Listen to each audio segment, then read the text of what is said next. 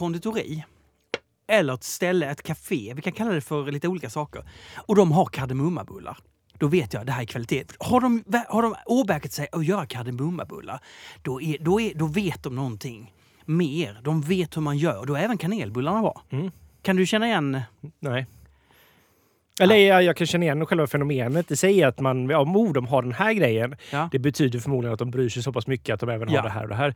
Jag gillar ju varken kanelbullar eller kardemummabullar överhuvudtaget. Gör du? Varför då? Jag gillar inte bullar. Alltså jag är Ah. väldigt lite för uh, bakelser i allmänhet. Säger det? Ja, det jag tycker inte det är äckligt. Men det är som Nej. pommes frites. Ah, det, Det är är som, samma. ja, Det är samma bit. Jaha. Jaha, men hur är det med dig då? jo, men det är bra. Vadå då? Ja, men det är bra. jag har haft sovmorgon idag. Det- Men du, nu har, nu har vi kommit in i det nya året. Mm. Ni fortsätter att brygga öl på OO. Ja. Ja. Det, är, det, är det några förändringar du vill berätta om? Mm, jag har väl fått två nya tankar som vi visserligen inte har hunnit koppla in än. Vad stora är de då? Men På 6000 liter. Oj! Så två stycken till. Ja, men det är bra för det, då kan vi göra nästan... Om vi skulle maximera dem så kan vi göra nästan, jag tror det blir 40 procent mer liksom. Du kan inte börja lagra pilsner så här superlänge. Alltså Nej. lite, lite, va? Eller klart vi kan men... Som Närke Kulturgrej. Ja. Bara laga, laga upp dem i brygga liksom. Ja, men vi har pratat om det här för det är liksom så här, ja det ger väl kanske någonting men det ger inte tillräckligt mycket för att det ska vara ekonomiskt försvarbart. Ja. Ja. Det, det här tycker jag är en spännande skiljelinje. Du måste dra en gräns någonstans mellan så här... Ja, Mm. men mellan vad? Ja, just det. Just det. Vi har fortfarande hyfsat lång tid på våra Mm. lager. Ja. Det, det är alltså, om de ligger där längre så tar de bara upp tanktid och då kan vi inte göra andra öl och så Nej. mot en liten, liten, liten, liten förbättring. Ja, men om man ska vara helt ärlig så märker inte jag någon större skillnad mellan den långa lagringstiden och när vi gör det i alla fall. Ja.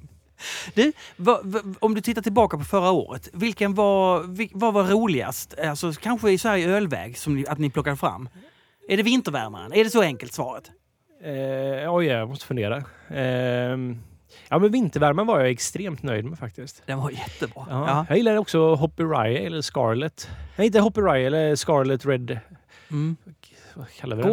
Scarlet Rye IPA kallar vi den. De, Okej, så de två skulle du kunna plocka ut som... Ja, men det var roligt att jobba med malt igen. Mm. Sådär.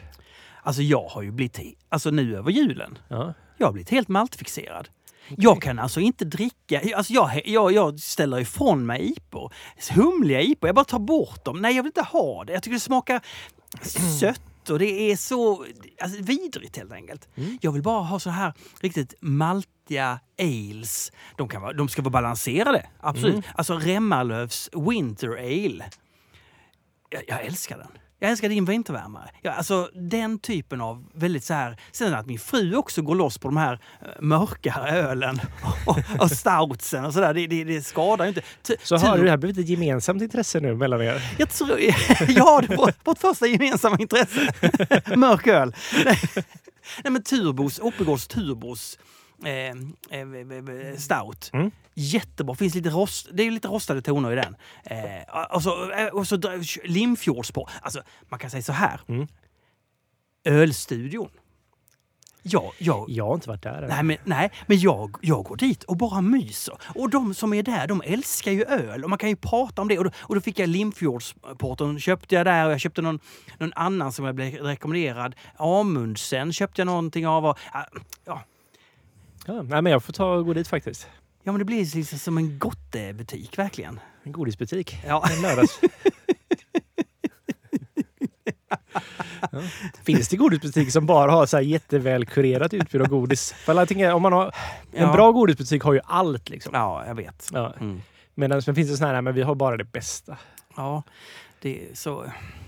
Nej, precis. Det, det, ja, det tycker jag egentligen, det är jag mycket för, att bara ha det bästa. Mm. Men vad är då det bästa? Jag tycker ju att det ska vara mycket salta och sura, kraftiga smaker och sådär. Mm, det gillar jag med. Ja. Salt och surt. Har du sett att det är Fazer har nu har börjat köra på pack där de har det här eh, lack, lakrits, choklad, s- salmi, salmiak kombinationen kulor. Nej, jag tror Oj, oj, oj. Mamma! Alltså det är ju hela den här isländska trenden att blanda lakrits med, med choklad. Mm. Och, sa, så salmiak då. Eh, hela den. Men det känns Island, de vill ha salmiak i allting. Liksom. Ja! är det bara choklad här liksom? ja men de är genier. Det är de faktiskt. Det är de. Det bästa är ändå när jag köpte en sån här cho- chocolate bar. Där, där det var som en vanlig chokladbar. Mm. Med, med en limmad eh, lakritsrem ovanpå. Mm. Ja, det är geni. Ja, det är geni. varför, varför krångla till det? Ja, exakt. ja. Eh, du, jag tänker att vi ska hoppa in i fråg, frågestund direkt. All right. Det har kommit eh, himla många bra frågor. Jag, ty- jag Ja, jag, jag öglade igenom lite snabbt igår. ja, och, man, och man skrämdes ju inte av Jag tycker att det, har- det har tänkts till ganska mycket. Och det, man Säger man ställer ögla? Det gör man tyvärr. ögna. Ögna säger man. Ögna. Det kändes fel. Ja. Ögla blir Eh, Varför pratas det så lite om polsk öl? Tänk att de både gör och dricker en hel del öl, men har de bara hämtat andra, härmat andra hela tiden. Finns det ingen spännande craft beer i Polen? Eh, det är Herman Zor. mm. Vet du Som- vem Herman Zor är? Nej? Det är Simons polare. Jaha, De har bott tillsammans och tror på grannar nu eller liknande. Mysigt. Jag har varit på Stiberg någon gång tror jag. Har jag pratat med honom? Det har du säkert. Det är säkert gott. Mm.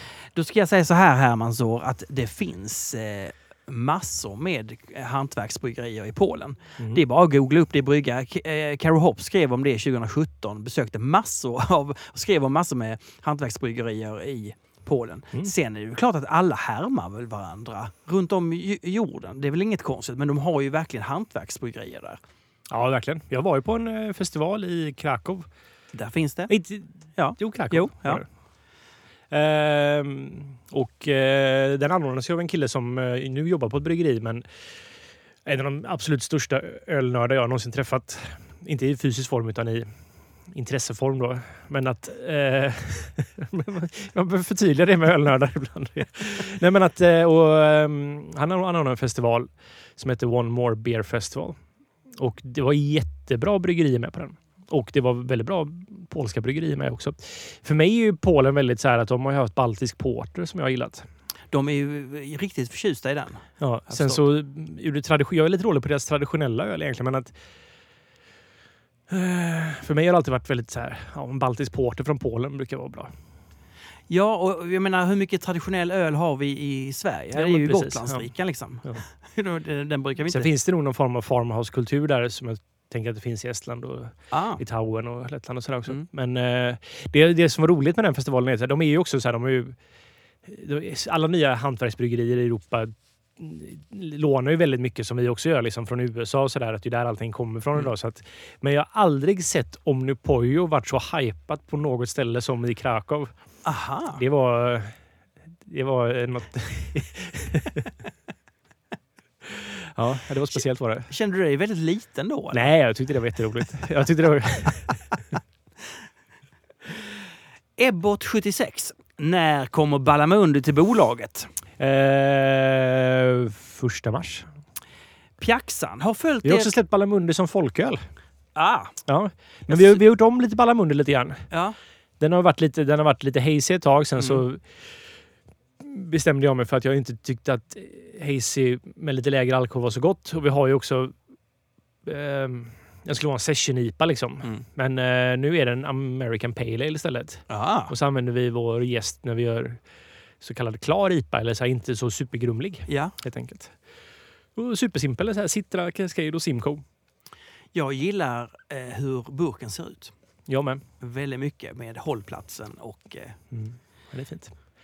Men den kommer första mars. Pjaxan frågar, har följt er alla avsnitt? Oj. Men kan inte minnas att det pratats, pratats om Weissbier. Har Ol- Olle bryggt någon? Vad tycker ni generellt om stilen? Världens äldsta bryggeri gör min favorit i alla fall. Weihenstephaner Hefeweiss. Weinstefafner. Weihenstephaner. Weinstefafner. Stehafner. Nej. Hur som helst. Eh, har vi aldrig pratat om Weissbier? Eh, det kanske vi inte har. Har vi inte? Nej, det eller jag kan inte heller riktigt minnas att vi har gjort det. Men eh, det känns orimligt att vi inte har pratat om det faktiskt. Det är ju en väldigt... Alltså jag är inte... Alltså jag har inget emot Weissbier. Det har ju jag. Ja, jag vet det. Har du inget emot det? Hur... Nej, jag tycker det. Men det är alltså på... Det finns mycket dålig Weissbier får jag säga. Weinstefan är väldigt bra Weissbier. Schneider Ja. är väldigt, väldigt bra Weissbier. Ja. Eh, Aventinus från Schneider är fantastiskt. Det är 9 dock. Ja. Så det är, ja. Men eh, jag vet inte, det är lite som med pommes frites och med... Eh, vad var det andra nu igen? Kanelbullar. Kanelbullar precis. Det är liksom gott men det är inte... Ja. Det är inte det. Jag, jag längtar väldigt sällan efter en Weissbier. Har du brytt någon? Ja, vi bryggde den på Stiberget en gång. En eh, sommar... Det var jättelänge sedan. Det var liksom in 2015 tror jag det var. Blev den bra då? Nej, det blev den inte. Nej. Eh, Det var svårt att brygga Weiss. Den klarnade alldeles för snabbt också. Klurigt. David Hedgard undrar. Det talas ofta väl om ljusa belgiska belgare i podden, typ De La Seine och De Ranke. Kan inte OO släppa någon tolkning av dessa stilar? Jo, men det kan vi göra. Jaha, när, när då? Kanske därför vi har pratat upp det så mycket. För att det kommer. Nej, men eh, vi ska faktiskt återlansera... Bohemia har ju alltid varit den typen av öl för oss. Är inte det en saison? Jo, det är en saison, men den är ju en eh, fruktansvärt simpel saison på 5% 100% pilsnermalt, 100% sas. Liksom verkligen bara enklaste, enklaste. Den är ju i samma anda som de ölen. Mm. Och jag har velat göra om eh, Bohemia jättelänge och lansera bolaget. Men jag bestämde mig för ett tag sedan att den, när vi gör det så ska den... För det är ett, ett recept som skriker efter att bli ekologiskt. Aha. För att det är ju liksom pilsnermalt, går att, ta, få, går att få tag i bra pilsnermalt ekologisk. Det går att få tag i bra SAS ekologisk.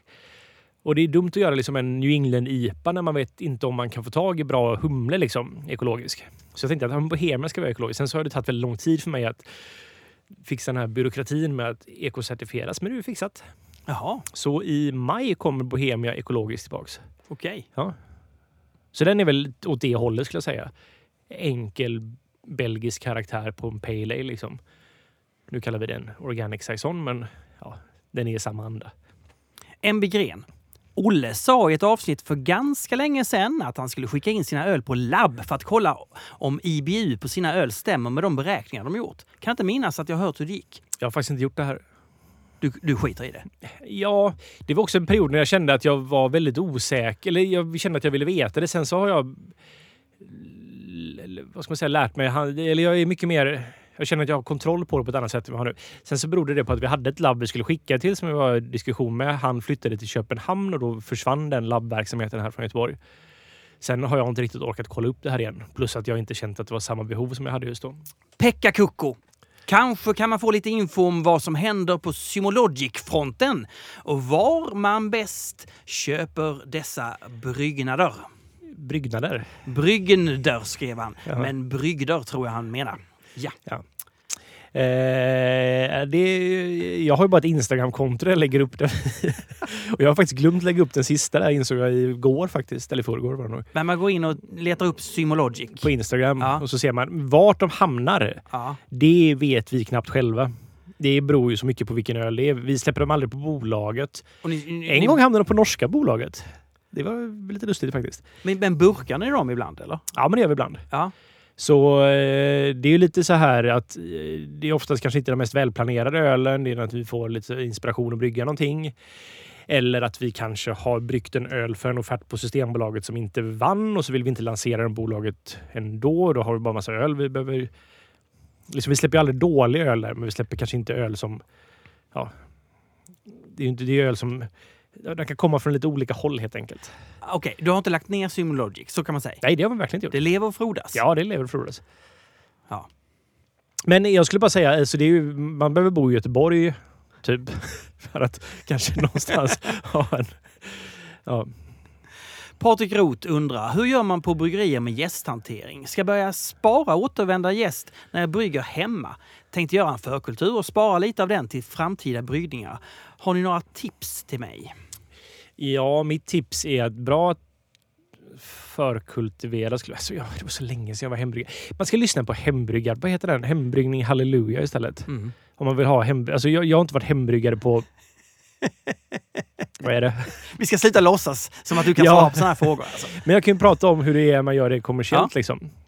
Eh, jag har, alltså gästen är det viktigaste du har i bryggningen. Det är den absolut viktigaste ingrediensen. Om inte gästen mår bra så, och inte har, har en bra jäsning så blir det en dålig öl. Så vi tar ju alltid det säkra för det osäkra kan man säga och ser till att vi alltid har ny färsk gäst på bryggeriet. Eh, försöker använda den så fort vi får den. Eh, vi skördar gästen också, men vi skördar på ett sätt som kanske är svårt som man, att göra för hembryggare. Och det är att, alltså vi köper då färdiga pitchar så att vi köper en viss mängd som är färdigt bara hälla ner i en öl och så jäser den. Och, eh, men det är ju här det stora mitt, mitt dilemma som bryggare, alltså min planering. Att liksom, vi brukar kanske gå några generationer på till exempel London Fog, de är så New England Hazy IPA gäst. Och där går jag mindre generationer för jag har upplevt att den lättare sticker iväg många andra gäster. Så vi kanske går tre, fyra generationer på den.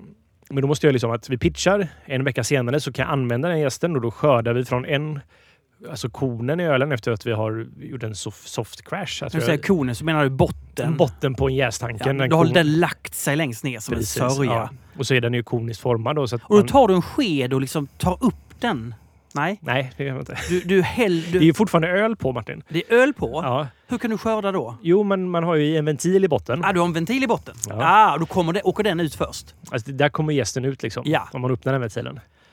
Ja. Hur, hur men... länge har du ventilen öppen? Är det tills det börjar sippra ut öl också eller? Nej. Nej, men eh, det vi gör är att vi skördar från kon till kon helt enkelt. Så att vi har ju en ny järnstank ölen ska in i som vi brygger för dagen. Och då har vi planerat allting så att vi har en öl som har jäst färdigt, som har jäst i sig. Och då kopplar vi en slang från konen i botten då på den ölen som har jäst i sig, som har jäst färdigt, till den nya tanken som är tom. Och innan vi börjar föra över vörten då in i tanken så eh, öppnar vi den här ventilen så att genom slangen så förs det över gäst och så tittar vi ner i tanken och så har vi sagt att här blir bra. Ja, men... vi, vi höftar ganska ordentligt där. okay. Men då borde det bli lite mindre gäst för varje skördning. För att eh, ni kan ju inte få ut riktigt all gäst från förra bryggningen. Nej, men man vill inte ha all gäst. Vi tar bara en, en del av den. Liksom. Aha. Så att, eh, men ofta så till exempel så, här, så om vi brygger en 3000 liters sats med öl. Ja. Det är mer, vi får ut mer gäst av den än vad vi behöver till en eh, 6000 liters sats med öl till exempel. Aha. Så att man gör av med rätt mycket gäst. Man, men det jobbiga är att vi måste planera. Men alltså som hem, jag skulle alltså, Bra att göra förkulturer skulle jag säga. För att man, jag vet inte, förr i tiden så visste man aldrig riktigt hur gammal gästen var. Och så, där, så det var alltid bra att aktivera den lite innan. Det behöver vi aldrig göra för vi får väldigt färsk gäst och vi använder den väldigt färskt. Men att eh, det är väldigt bra att man Eh, eh att jag skulle rekommendera att köpa så mycket ny, alltså lägg de extra kronorna på att köpa ny färsk gäst istället för att hantera, hålla på och skörda och grejer. Det jag skulle säga kanske det man bäst skördar det är lageröl. Jag har inte upplevt att man riktigt kan överpitcha med lageröl nästan. Ja, just det. Det, det, det är klassiska knepet. Mm. För det... du kan överpitcha med New England IPA. Då blir det faktiskt inte så gott.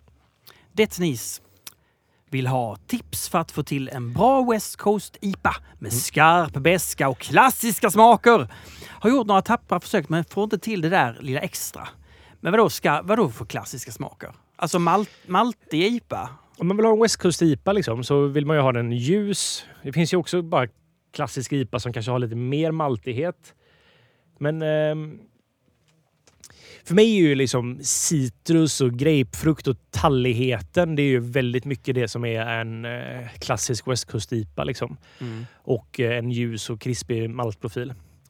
Jag skulle köra så här, typ att man eh, kör någon pilsnermalt. Ljus pilsnermalt liksom så här. Mm. Eh, en eh, några procent en ljus karamellmalt. Typ så här. Vi använder rätt mycket ja, men alltså karamell eller liknande. Den typen av... Där nere i det, det EBC. Väldigt låg EBC på den karamellmalten helt Det är den här, den ger krispigheten? Nej, men den ger en liten... Den håller det som ett litet lim som håller ihop allting. Mm. Sen så ska man inte vara rädd att man kan använda dextros eller socker lite grann också. Bara för att så här göra den lite tunnare. Och sen så en säck vete hade varit fint. Vill man göra den lite maltigare, en säck Munich får den också binda ihop lite bättre. Och så skulle jag, om man vill ha den klassiska smaken så ska man satsa på de klassiska humlesorterna som Chinook, eh, Cascade, Centennial, Amarillo är bra om man vill ha den här grapefruktigheten. Eh, sen så tycker inte jag det är fel om man sitter, om man vill ha den här liksom lite överdrivna citrustonen så kan man ha lite citra i också faktiskt. Det blir gott. Det vill man ju. Ja, men om man vill ha de klassiska smakerna Ja, så är ju inte riktigt Ja, citra nej, den ju klassiska. helt- Men det, det, det skadar inte. Om man vill börja göra en lite modernare twist på den klassiska. Så Chinook, Simcoe, Citra, Amarillo hade varit en fin Ja. kombination. exempel. Nu hoppas jag att, att Magnus i Hembryggning Halleluja inte exakt har samma tips, utan de- att de har en liten annan tweak på, det här svaret i alla fall. Det skulle vara bra. Antenn eh, säger, eh, när jag gör IPA med amerikansk gäst, eh, VLP090 i mitt fall, så får jag oftast betydligt högre slut-pH än om jag jäser med engelsk gäst.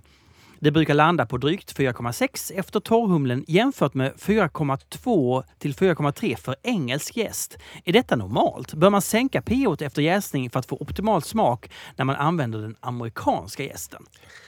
Jag skulle inte oroa allt för mycket med det faktiskt. Men eh, olika gäststammar ger olika pH. Eh, Jag brukar säga så här att ja, engelsk gäst. Jag använder inte så mycket annat än engelsk gäst och lagergäst faktiskt. Men den går ju, jag, ser den, jag ser att den går ner lägre pH under hög, alltså när den jäser som mest. Ofta när den har slutat jäsa så går den upp lite i pH. Det är också ett bra tecken att se att den faktiskt är färdig. Att den faktiskt, om den går ner på 4,1 till exempel i pH så kanske den efter, så, så är den där liksom, ja, när den är liksom på slutet av jäsningen och så precis när den är färdig så hoppar den upp till 4,2 4,3. Okej, men nu, nu får du nog berätta här. pH, hur mycket bryr du dig om det en öl? Ganska mycket. Var, varför, vad, vad gör det egentligen? Det Eller? gör smakmässigt så är det ju till exempel i New England IPA vill jag ha lägre pH. Och, ehm, Det är alltså, du får en syrligare smak? ja, det får man ju såklart. Ja. Det är, men det är också att man får en... Eh, jag tror pH spelar rätt... Det här nu tror jag nu. Ja. Jag lite så här, men att jag har fått för mig och jag, det är bara intuition av att ha bryggt mycket Ja. humle-IPA. Att det blir en mer hazy öl om jag har haft lägre pH. Till exempel om jag siktar på ett pH på 5 efter kokslut. Så Whirlpool-humlen gör att det binder med liksom proteinerna på något annat sätt så gör att det blir mer permanent haze. Mm. Men också det, är lite go- det blir också en smakpåverkan. Men man ska också tänka på att som med, med klar IPA så har jag faktiskt lite högre pH.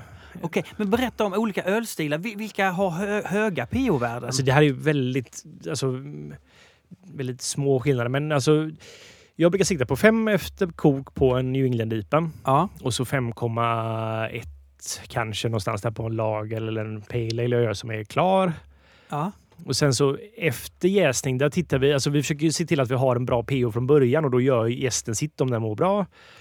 Så där kan vi då gå ner då så att innan torrhumling så brukar vi kanske ligga på 4,2-4,3 Mm. i pH.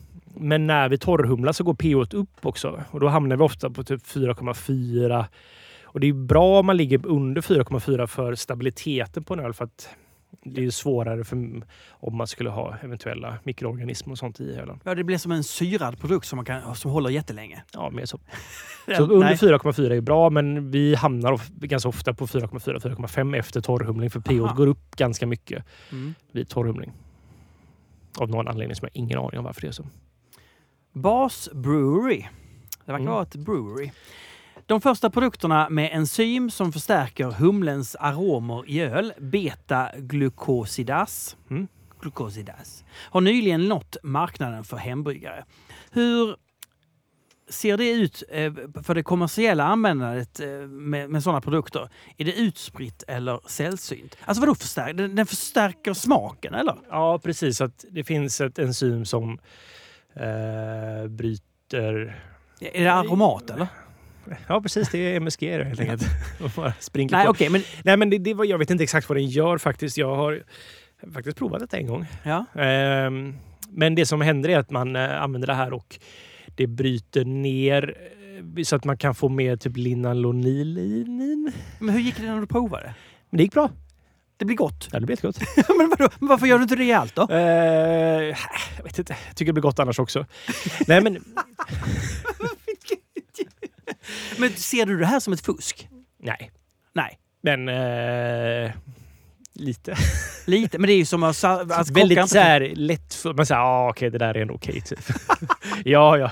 men det är som- om det inte är en OS-final kanske, men så här, om det är liksom distriktsmästerskapen så Ja. om man psykar någon innan liksom, så Men, men jag, jag fattar, men det är ju som salt på maten. Liksom. Ja, men det är precis det så. Men det, nej, men det, och det som hände, vi provade en Symologic-öl. Mm, Okej. Eh, vi var nere på en Remmalövs bryggeri Ja. Och eh, fick med oss detta hem faktiskt. Ah, De gav, ja, vi det snodde är inte. därför de gör så god öl. Ja, men det, alltså, det, De är ju grymma ju. Ja. Nej, men jag, vet inte, jag tror inte de använde så mycket heller. veta. De, de, hade, de hade testat en öl. Och Ja. det som man, jag har hört amerikanska bryggare som gör det här också. Och det är att man får liksom mer, det blir en mer fruktig citruston av det hela. Liksom. Man bryter ner det så att eh, det blir ja, men lite friskare toner helt enkelt. Och det blev det faktiskt också. Men den jäste ut något ofantligt, vilket jag inte är helt säker beror på det. Eller om det berodde på något annat. Men det blev väldigt torr. Men det Symologic gjorde, den första videon West Coast-IPA med Symologic för länge sedan. Eh, som hade den i sig. Och det var för testen. Mhm. Det är sånt vi använder Symologic till. Mm. Fuskar. Experiment. Getingen 1. Jag har problem med att mina öl med engelska, jä- engelska gäststammar börjar jäsa igen på flaska och skapa gashers och hög kolsyra. Har fått samma resultat av Y-Yeast 1028, 1968, 1469. Jag hittar inga udda smaker utan misstänker att mitt problem beror på att jästen flokulerar hårt och att jäsningen avtar för tidigt. Men börjar sen igen i samband med att jag tappar på flaska och jästen kommer i rörelse igen. Hur motverkar jag detta? Jag gör dessutom stora förkulturer. Mm. Om man överpitchar så kan det ju förflokulera i förtid också. Att den, men eh, ja, använd jästnäring. Eh, se till att temperaturen är bra. Kanske inte jäsa den för varmt utan låta den liksom ha lite motstånd i början. Och sen mot slutet tar man upp den för att diacetylrast. Eh, sen, ja. Det är svårt det där. Alltså, det kan ju vara... Alltså, det är, vissa engelska gäststammar äter ju inte alltså, fler alltså, långkedjade sockermolekyler. Och då är ju de kvar. Och om man har då någonting litet annat med i det hela så kom, det är det ju väldigt lätt för dem att äta upp det. Alltså man har en liten infektion så finns det lättare möjlighet att... för Engelska gäst är, är inte alltid maltotrios. Men, så det skulle kunna vara en Mm. anledning. Men jag vet, det, det, är, det är nog som förmodligen som man säger att gästen kanske förflokulerar i förtid och sådär. Men eh, Mm. jag vet faktiskt inte riktigt. Ja, men här, här återigen hemma, hemmabryggning halleluja kanske. Ja, Har de en fågellåda ens? Det vet det jag vet inte. jag inte. Nej. Jag, har inte hunnit, jag skulle lyssna på det igår tänkte Ja. jag, men jag har inte hunnit göra det. Martin Paulsson. Eh, Jag har lyssnat lite grann. Ja. Men det handlar ju bara om hembryggning. Ja, okej. Alltså jag zonar ut eh, nä- nästan direkt. Ja, eh, Martin Paulsson. Hur går mäskningen till på OO? Hur länge mäskar ni? Rör ni runt under hela mäsktiden eller bara i början? Funderar ni något på hot side aeration? Eller är det bara low dissolved oxygen bryggarna som tänker på det? Är det bara... Ja, Lodo-bryggarna. ja okej. Jaha, mm, okej. Mm. Eh, Precis, det var särskrivet va? Det skulle vara ett bindestreck mellan oxygen och bryggarnas för att jag skulle förstå. Hur som helst. Ja, vadå? Hur länge mäskar ni? Ehm, för det mesta så mäskar vi en timme. Ja, Ibland lite längre. Rör ni runt? Jopp. Bara i början? Ehm, ja, Inte hela ja, timmen, nej, liksom. inte- Ja, eh, vi ser ut, vår mäsk ser ut, för en IPA ser den ut så här. Vi mäskar in, alltså vi använder vår transportör som tar malt från vår silo vi har, där vi har då dagen innan krossat malt in i den. Så att där har vi all malt som vi ska ha för bryggningen. Och så har vi en transportör som Ett rör? ett rör som en skruv i som, Ja, okej. Ja. Transportör. som oh, droppar ner. princip, eller? Med röret. Kan, Arkimedes, är det inte Arkimedes princip att du kan... Nej, vad är den? Det är väl när man stoppar in någonting i vatten och så Ja, det är sant. det är det volymen han den har är den som Han volymen. med skruven, de som skruvar upp vatten. Okej. Det kanske också är hans princip. Vi- vi Han har får- kanske många hade... Jag vet faktiskt inte Martin. Okej, men ni har en transportör, ett rör med en skruv i. Det är Eh, som droppar ner det då ja. i vår maltkar. mm. Eller mäsk, eh, mäskpanna helt enkelt. Mäskkar. Och så innan det så finns det någonting som vi har som är en grist hydrator. Grist. Hydrator ja.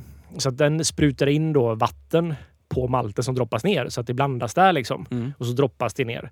Och där kan ni plocka upp en del syre i den vägen. Mm. Men samtidigt är det så varmt när det här görs för det här vi mäskar in vid typ 73-74 grader liksom. Ja. Och så blir det 67 ungefär. Så värmen gör att syret bara springer därifrån? Bara, "Ah!" Det är svårare med värme eller syre, hot side irritation. Då. Okej. Desto varma, det är svårare för syre att binda sig desto varmare det är. Men detta sker såklart lite grann. Så där är det enda jag har. Men det här är liksom all, det är så här alla bryggerier jobbar med det här. Liksom. det, det, det är det som är hot side aeration som man ja, nämnde? att man binder syre i den heta sidan, vilket är ganska svårt. Så Ah. många säger att det här är en non-issue. Det kanske är en issue för hembryggare. Men man får tänka på det, när vi gör det så gör vi så stora mängder så det blir Mängden gör ju att syreutbytet blir ganska litet liksom kontra med en hembryggare som håller på och splashar runt som fan. För det blir som att så här, tar jag upp en skopa ur vår brygd på med liksom jag har en blandning på liksom 2500 liter malt och vatten då Mm. så är liksom två liter ganska liten procent av det. Skulle man göra det som hembryggare så blir det ganska stor bit så att skalan spelar roll här. Ja, det gör den. Ja. Sen så ska man ju såklart, vi undviker så mycket som möjligt. Vissa saker då som till exempel det här inmäskningssteget då, som tar en Mm. halvtimme där malten och vattnet blandas och bara faller ner i. Där kan vi inte göra så mycket för att det är så vi måste jobba med det i stort sett. Sen när vi... Och då kan jag säga, då, då blandar vi där och då rör vi runt. Då har vi liksom eh, rakes i vår mäskpanna som snurrar kontinuerligt. Och eh, den här grease gör att vi inte får klumpar heller då, vilket är väldigt bra så att man inte får bättre utbyte och sådär. Så rör vi runt en kvart på 100 procent och den snurrar väldigt fort. Sen sänker vi till 50 procent och så snurrar den lite långsammare en kvart. Sen så stänger vi av den då efter en halvtimme och då ligger och vilar. Då får den sätta sig lite grann bädden. Och så börjar vi omcirkulering då. Du har hittat på det här helt själv eller? Hur du ska liksom schemat för det här. Du känner så här, "Ah, det är bara lite snabbare, sen ska det vara lite långsammare, sen ska Ja, vila. det är helt enkelt bara. Eller tror du alla gör precis så här? Nej, men någon, någon variant på det här typ. Ah, okej. Mm. Det beror på vilken typ av bryggverk man har. På Stiberget har man ju ett separat mässkar. Men jag skulle gissa att de gör liknande på Ringarna i alla fall där de har två kar som vi har. Ja. Mm. Mr Maltqvist. Drack du väl häromdagen och upplevde en tydlig smak och munkänsla av beska. Behaglig men påtaglig. Enligt Antapt ligger den på 33 IBU. När jag dricker IPA som eh, exempelvis West Coast for Stigbats så säger Antapt 65 IBU. Men där är liksom beska inte lika påtaglig. Hur kan det vara så? Nej, Det är väl upplevd beska kontra faktisk beska. Det är ju därför du säger skit i IBU. Läs aldrig vad som... Alltså, gå inte på vad som står i IBU. Men- på alltså, och det här med att skicka till labb. Det är också det som jag säger. Jag ville ha det som att ha en form av riktmärke. Liksom. Ja. Men det var också för att jag kände det var så svårt att avgöra var man låg någonstans. Mm. Men nu har jag ändå också kommit så pass långt att jag liksom kan mina öl och jag har lärt mig vad jag upplever själv som min upplevda upplevelse Ja. av beskan. Det är den som spelar roll. Ja, men, Och- men upplevelsen kommer av att, alltså att, att i West Coasten så, eller, så, så är det så mycket annat som... Det är så mycket söta grejer som gör att... Precis. Ja. Titta, du har lärt dig Martin. Ja, Därför, Duvel är ju en otroligt vad ska man säga, torr öl. Mm. Den är ju utjäst som fan, massa socker i så grejer. Så det, det är mest bara pilsnermalt och Mm, mm. Humle liksom. Så att Ja. då blir ju beskan tydligare där. Medan om du har massa Ja. restsötma då, som man har i till exempel en New England-IPA så maskerar det beskan helt enkelt. Ja, så enkelt är det. Så gå på upplevd beska. Men, det är ju, men, men jag kan ändå tycka så här, det är ju ändå roligt att kunna såna här saker och veta att egentligen är det beska. Ja, men det, är som, det är som surheten i en Coca-Cola. Mm. Som, oh, den är enorm. Va? Hur kan det vara det? Den smakar ju sött. Men det, Precis. det är ju såna här lite Ja. roliga... Ja. Men så här, använd, eh, upp, gå på din egna smaklökar vad du tycker är lagom bäst. Ha koll på vad just, använd alltid samma då IBU-kalkylator eh, för det. Och så om du säger, ja men här 65, då tyckte jag det var bra i min New England IPA. 85 var bra i min West Coast IPA. Ja men då kanske jag ska ha det som riktmärke i alla fall, liksom, att man kan använda sig av den här hittepå-siffran som är då den här faktiska IBUn. Eller den är inte hittepå, den är uppmätt och sådär, men att det är inte vad du smakar, men att du kan ändå avgöra någonting. Så när du gör ett nytt recept så kan man, det där blir bra, då går jag efter det. ja. Helt enkelt. Ja. Men det är inte en, det är inte en religion liksom. Nej. Nej. det. Du, det här med att, att eh, krogarna fortfarande måste stänga, eller ja, de får inte servera öl efter åtta och hela det här. Som det, det fortsätter nu ett tag till. Mm, Vi vet ju inte hur länge, det kanske Nej. är ett halvår till eller sådär. vi får se. Eh, Alltså Systembolaget är ju fortfarande den, en superviktig spelare i det Det är ju här. den enda försäljningskanal vi har just nu. Ja. Ja. Ja, men, men lite säljer den ju till krogen. De, de säljer väl ändå innan klockan åtta? Ja, men vi hade fyra stopp igår på Ja. utkörning. Och vi kanske har 10-15 annars. Ja, här i Göteborg. Ja, Ja. Just det. Ja, och det är här ni kör. Precis. Så nu är det mycket pivot som åker ut. Liksom. Ja, Och det är jätteroligt att det är så. ja. Men eh, ja, jag tycker synd om krogarna. Ja, det är klart. Jag tycker jätte, jätte jag, ehm, ja. Ja, men jag blev faktiskt ledsen för mina vänner som Mm. driver krogar. Alltså det, det, det, det är ju ett utmärkt tillfälle nu att gå ut och eh, besöka en krog lite oftare. Man har ju nu en anledning. Liksom. "Ja, men Jag måste gå ut och, stöd, stödja den här krogen. Mm. Eh, Så länge man gör det på ett ansvarsfullt sätt. Nej men det här är ju jättesvårt. Ska man, ja.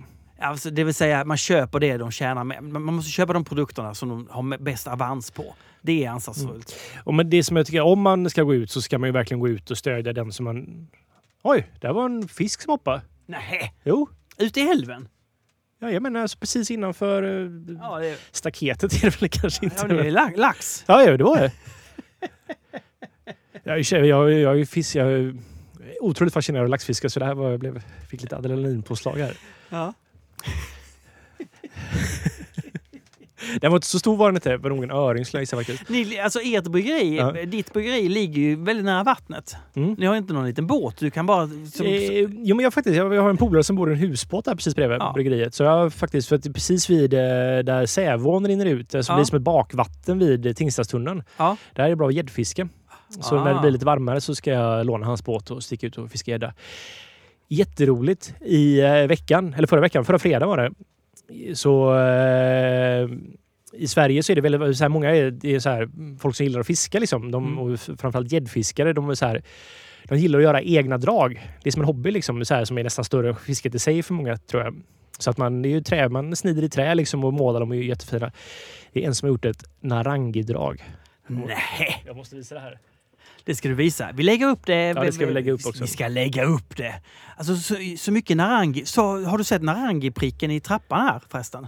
Nej, natur. Nej. nu ska vi se.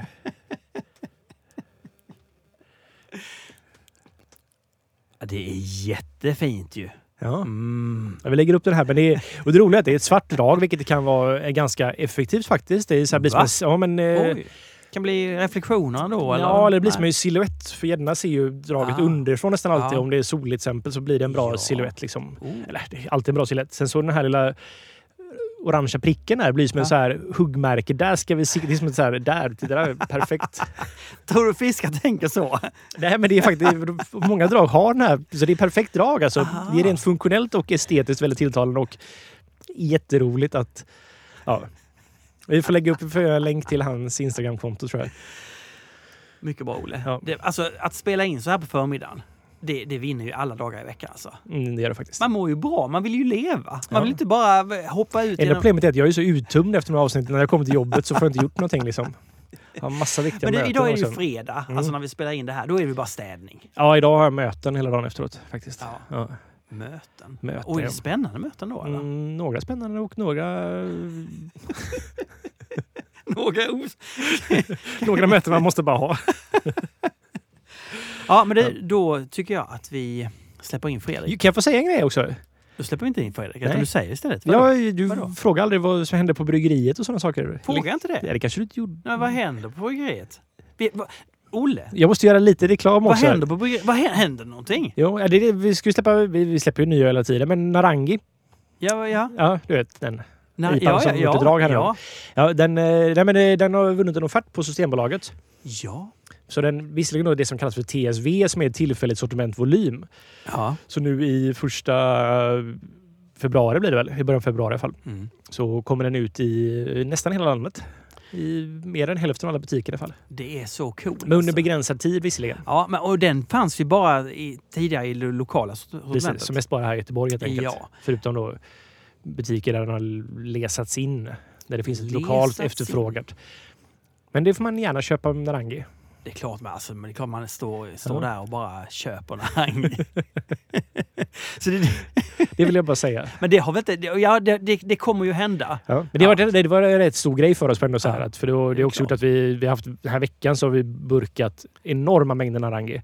Ja, För eh, att vi behövde då fixa massvis med burkar till det här släppet. ja, men har ni någon kvalitet på den nu då? Är det en jämn, Ja, hög jag är kvalitet? faktiskt väldigt nöjd med Narangi, Ja, Narangi just nu. Ja.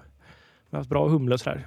Dratt lite mer åt lökigare hållet nu på slutet av året. Lökigare hållet, ja. Men det, det, jag gillar också det lite grann. Men det blir ju ofta så på slutet av året när vi använder 2019-skörden här nu. Och vi får ju Mm. 2020-skörden får vi första här nästa vecka tror jag. Oh. Men ehm, ja, då, den blir ju sämre under året helt enkelt. Men jag tycker fortfarande att vi har haft väldigt... Musiken är ju bra på det sättet att den är väldigt stabil. Mosaik, världens bästa humle. Ja, för mig i det fallet. Ja, det är det. Mm. Du, nu är det dags att släppa in Fredrik All right. och rädda hela skiten. Nu är det dags för Fredrik att komma in och rädda hela skiten. Hej Fredrik! Hallå, hallå. Välkommen in. Tack så du. Vi har bara tramsat, svarat på frågor och sådär. Ja. Eh, du, det har ju gått en tid. Julen har varit här. Mm. Eh, jag gissar att du har säkert druckit någonting i hästväg som är det godaste du har druckit sen sist. Vad är det? Eh, Ja, men det har Eller så här, jag tänkte lyfta fram något väldigt gott jag har druckit som kanske är mer så här, det roligaste jag druckit på länge. Ah, Mer. Okej. Eh, eller så- en- som en rolig grej. Det är ju, och nu är jag lite grann scratchar din rygg här tyvärr. Men Stigbergets eh, har jag provat deras eh, Ringö Broy-serie Ja. när jag var där. Ja, det- Och det, det, så, och så fort det heter Ringebroj och det är tyska grejer, då blir Nej, det men, helt... nej, men jag tycker det är väldigt kul. Det känns som välbehövligt och jag tycker det är kul när Stigberget gör det och det är bra när de gör det för då kanske andra hänger på för de har lite den... De säger jag. Får man säga du, ni, de? Ni är väl bra? Ja, du, du är en del av det där Martin. Eh, det är kul därför att ni har en position att kunna få andra att göra, också börja gilla sådana öl och göra sådana öl. Tror du det? Ja, det tror jag. Men sen tror jag att det där kommer bli jättestort. Va? Men jag tyckte det var väldigt kul. Jag blev väldigt glad. Och det var bra öl. Ja, det var det verkligen. Jag har bara Mm. provat fyra har de gjort. Man har Helles, de har gjort en Mertzen, de har gjort en Maibock Majbock, och en Rauschbier. Jag har provat Helles och Rauschbier. De var jättebra. Ja, jag tycker Speciellt. Rauschbieren tyckte jag var... Vi pratade lite om det här igår. Den var krämig munkänsla på den. Ja, den var min favorit också av dem. Ja. Rauschbieren. Jättebra. Ja. eh, Så jag blev väldigt glad av de ölen. Och, och snygga är de också. Snygga burkar. Liksom. Det, är alltså, ja, det blev ju roligt, det blev ju roligt med det här retro och sen så när Stigberget gör det så blir det när Neil Paling Neil motherfucking Paling. Jag ska få lansera någon som det. Vad tror du om det? Hur som helst, när han gjort... Nej men, nej, men och det, det går ju i linje med hela den här Stigbergs-idén att vi, Olle, vill, ja, så vill du göra hazy-IPA en gång i tiden? Ja, men testa det då. Och vi har ju, vi har ju Lukas som har tvunget, tvingats brygga, hazy-IPA. Han har inte hatat det. Han har bara tyckt fruktansvärt illa om det. Och nu får han äntligen göra det som han brin- brinner för. Mm. Eh, På, på det lilla, lilla bryggeriet. Liksom. Så det är väl okej. ja, ja. Ja, de var jättebra. Du, eh, på tal om det lilla bryggeriet så är det ju så att eh, Pomologik-Johan är i stan. Mm. Jag tänkte vi skulle passa på, när, alltså, har vi, här har vi Sveriges bästa, främste hantverkscider eh, mustare eller bryggare eller vad det är. Vi får fråga vad, vad, det betyder. Jag tänkte vi, vi ställer några frågor till honom. Ja, men det gör vi. Gör vi. Hej Johan, välkommen! Hej, tack. Eh, Johan eh, Sjöstedt, Stämmer bra. du har ett, någonting som heter pomologik. Ja. Vad är det? Berätta. Vi eh, gör cider, must och vinäger. Sid. Och när, när du säger mustar du eller brygger du? Nej, mustar och jäser. Brygger...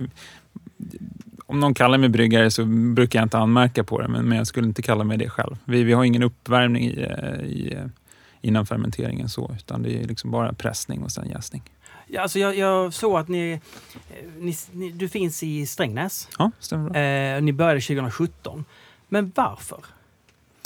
Börja, inte varför du är i Strängnäs och 2017, utan hur uppkom intresset för, för cidertillverkning? Ehm, Själva grunden var egentligen när, vi gick, när jag gick eh, min sommersutbildning i Grythyttan. Och då Ah. kom vi mer i kontakt med liksom riktig cider. Innan dess så hade man mest bara svenskt det som sett det som kallas cider i Sverige som egentligen bara är en alkoläsk. Och då gick man och provade liksom spansk, fransk och engelsk cider och förstod att fan, det här är, finns mer i det här än man någonsin trott. Och man börjar få den här att så här, cider är äpple, bas fast som ett vin egentligen, börjar falla på plats. Och då börjar vi säga, men vänta fan, vi har ju svinbra äpplen här. För svenska äpplen är ju sjukt bra. De är ju, du har säkert provat skillnaden på ett svenskt äpple på Ica och ett från Nya Zeeland eller Italien. Det är ju en helt annan arom och karaktär. Vilket handlar om att vi ligger så pass långt norrut. Så många soltimmar. Men förlåt, förklara det. Vad är det som skiljer det åt? För jag hade hört någonting, en fördom då. Att svenska äpplen inte var lika bra för cidertillverkning som franska. Eller? Um, det, det jag beskriver nu är främst eh, ätkvaliteten. När du, när Okej. äter ett äpple direkt. Ett Ingrid Marie jämfört med Granny Smith det är ju två helt olika världar. Sen när det gäller dryckestillverkning så har ju svenska äpplen inte den karaktäristiken som du har för cideräpplen som du har i Frankrike och England. De är ju sjukt äckliga att äta. De är ju antingen så här superbeska, supersura eller supersöta. Okej. Så det är inget du lägger fram liksom och bjuder ungarna på efter maten utan det är, de är gjorda för cidertillverkning och det är då du har de här tanniniga, liksom sträva, Ja, kraftfulla så. Vad händer om man jäser med eh, svenska äpplen som är ätäpplen? Liksom? Då blir det bara alkohol och inget annat eller vad händer? Det... Ja, ty, om, det- om det väljer riktigt dålig frukt, liksom Ja. enkel frukt, då blir det ja, men lite ganska blaskigt vatten med lite...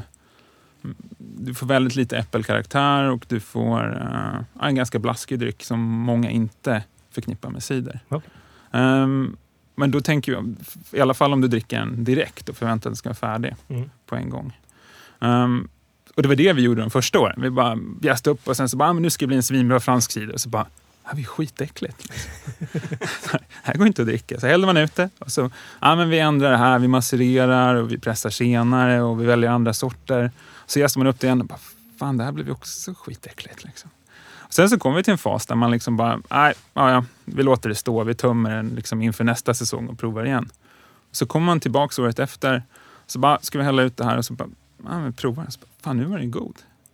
Jaha. Och det var då vi började få in det här, själva tanken att fan, det är mer, vi ska inte ha öltänket att vi ska jassa upp det och dricka det direkt. Utan, vilket är ganska ironiskt eftersom vi då pluggade vin och jobbade med vin. Men Mm. när man väl fick in vintänket, då, att den behöver ligga till sig, den behöver mjukna.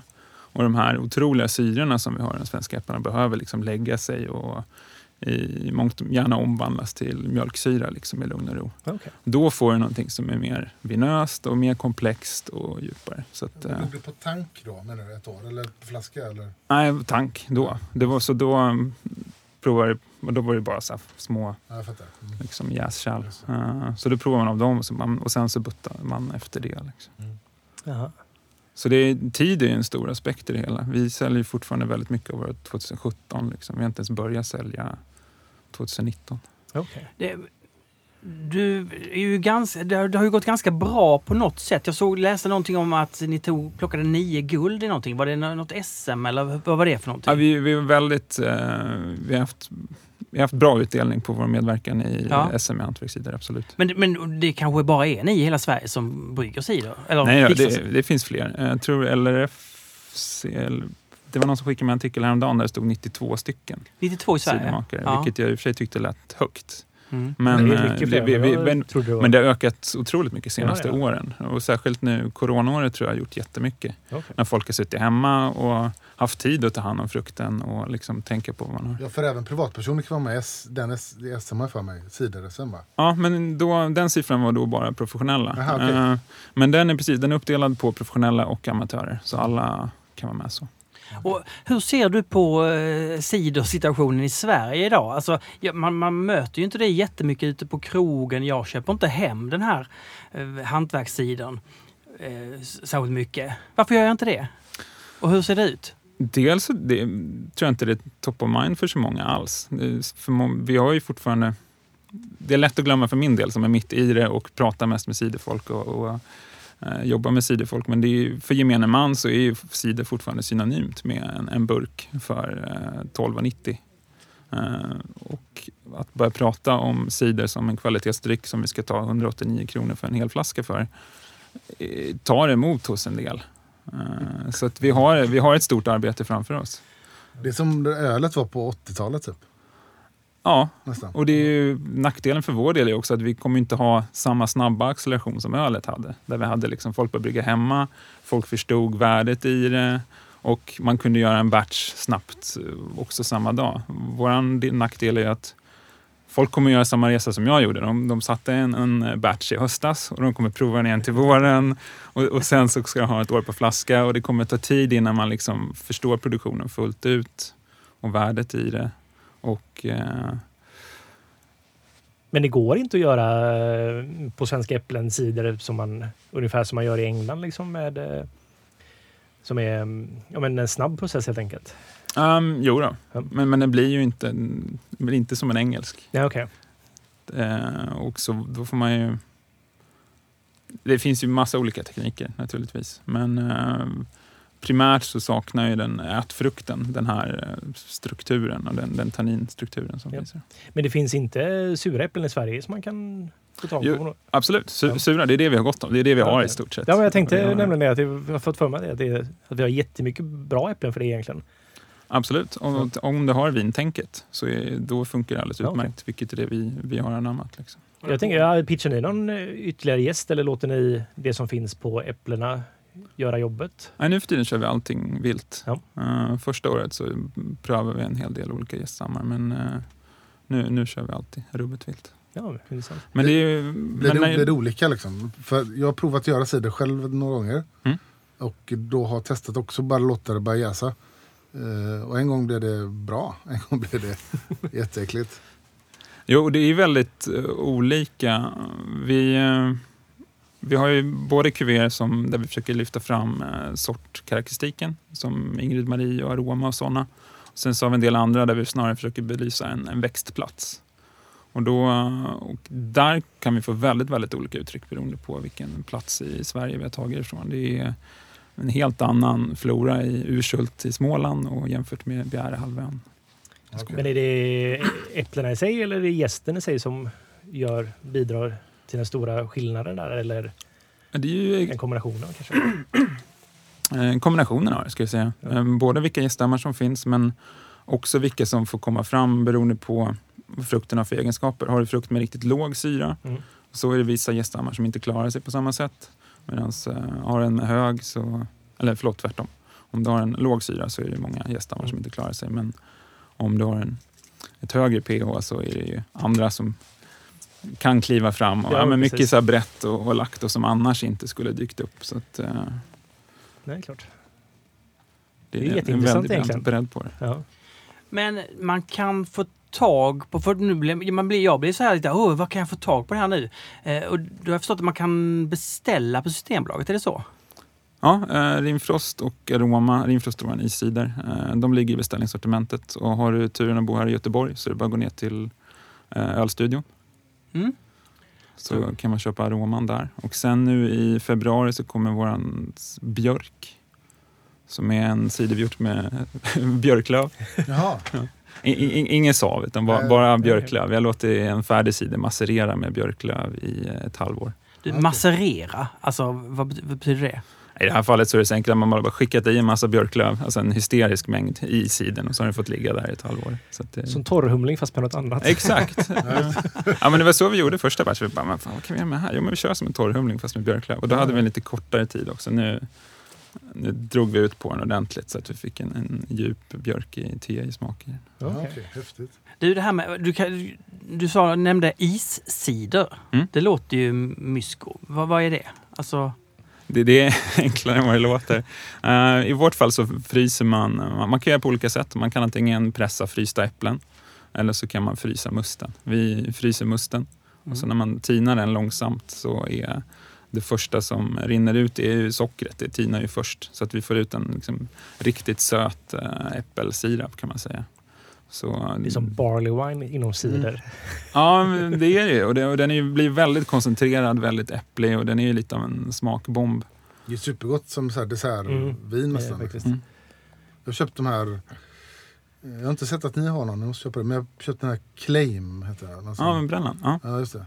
De har ju även en, en fatlagrad och sen så deras vanliga också som också är sjukt bra alla tre. Ja. Ja, Ja, men jättegott liksom. Men jobbar ni med vinfat i förlagringen av...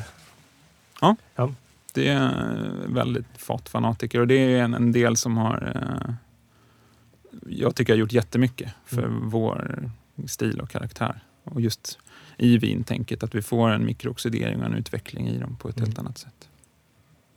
Men ni jobbar då med ganska neutrala fat eller jobbar ni med... Ni jobbar aldrig med att ni vill ha smaken av det som har varit innan i fatet eller använder ni nya fat? Nej, vi köper begagnade fat från Bourgogne. Så Både vitvinsfat och rödvinsfat som oftast har en fem sex år på nacken. Så Okej. att det är ju, vi vill inte ha så mycket fatsmak, vi vill liksom bara ha mognadsaromerna. Ja, de är ju Och då tvättar vi ut dem, tvättar vi ur dem ordentligt och ångar innan. Så att det, All right. Ja, okej. Hur, nu, nu har vi 2021 här. Alltså, du verkar ju ha fått smak på det här. Kommer du fortsätta eller kommer du lägga ner nu? Eller kommer, hur ser du utvecklingen framöver?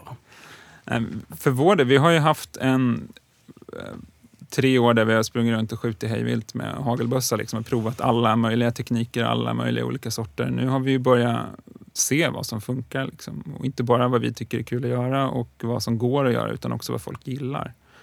Så vi kommer ju komma in i en fas nu där vi snarare satsar på lite mer volym. Det är ju, även om jag själv finner en, en väldigt tillfredsställelse i att jaga liksom så här äppelgårdslägen och ta fram vissa små aromer så är ju, ska det bli en hållbar näring av det så behöver vi få upp artiklar som kommer ut i breda massan, där vi kommer under hundringen och där det är sånt som fler än nördarna gillar.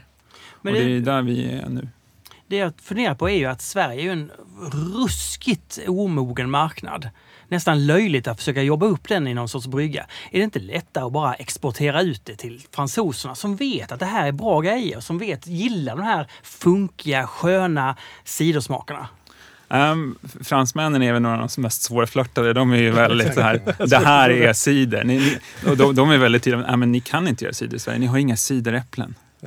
Och ni är inte fransmän, det går inte. Um, däremot engelsmännen är ju väldigt öppna. Där har du en mogen cidermarknad. England och USA är ju två cidermarknader där du har en mogen målgrupp som är, inte är så bekymrade över prisläge, vilket annars är problemet i Frankrike också. Där cidern är ju så sjukt billig där.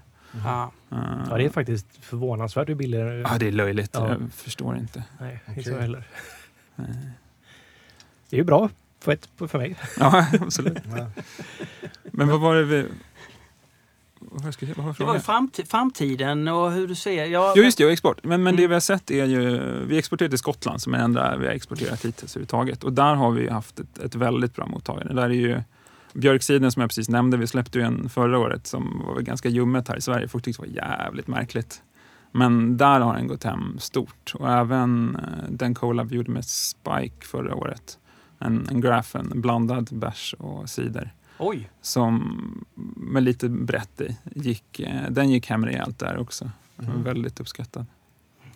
Men jag tror då- den svenska marknaden rätt snart kommer vara ganska mottaglig för svensk cider faktiskt. Olle, du ska ju alltid vara så positiv och tro på saker. Det, ja, okej. ja. Det- Men, men det här med att vadå, blanda öl och cider, det kan ju inte bli bra. Alltså varför ska du ha in ölen i det hela? Alltså, eller är det bara för att du vill få liksom, uppmärksamhet för att ölmarknaden är mer het? Eller hur? Nej, det, när det är bra så är det jävligt bra. Och det, du har ju, de kan Okej. komplettera varandra på ett väldigt trevligt sätt. Det är, och framförallt, en av våra stora utmaningar när det gäller att vinna över ölfolk till vår sida är ju att de ofta tycker att cidern känns blaskig. Liksom. Det här, du har ingen humlebas, du har inget restsocker på samma sätt. Så de är så här, ah, den känns lite tunn, den är god men den är sur alltså. Jämför då, visst, de dricker suröl också men då har lite lakto eller lite annat restsocker i det. Så att man vill, de vill ha lite mer struktur i den och kan vi då blanda den med en bärs så får du ju någonting som är det bästa av båda världar. Du gör en hazy ci- cider. Då kommer folk köpa det. Torrhumlad hazy Ja, jag tänkte annars föreslå pastry-cider hade ju varit kanske det, om man verkligen vill nå ölnördarna. Ja. Liksom. Men det känns som att det finns en del sånt i USA, eller hur? Så som Ja, de- dessertcider. Absolut, men de ligger ju 15 år framför oss i utvecklingen. De är ju, där vi är nu var väl de i början på 2000-talet. Ja, okej. Och där, men där har det gått överstyr. Där skickar de i allt möjligt. Liksom. Där också ja. Ja. Ja. Grymt att du kom hit. Eh, vad roligt. Eh, vi fortsätter följa utvecklingen. Tror jag. Och jag vi får göra en uppföljning om ett år eller något liknande. Uppföljning med, och, och, och i eftermiddag drar jag ner till Ö- Ö-studion. Vilken är, det Aroma ni har där eller? Ja, precis. Den, ja. Nej, men jag vill inte vara sån, men så blir det. Men kanske jag köper också då. Ska du också dit eller? Jag funderar på det. Ska vi gå dit tillsammans? Jag kan eller? med. Ja. Kan någon köpa en sån åt mig i sådana fall? Absolut. Ha det så gott Johan, vi hörs.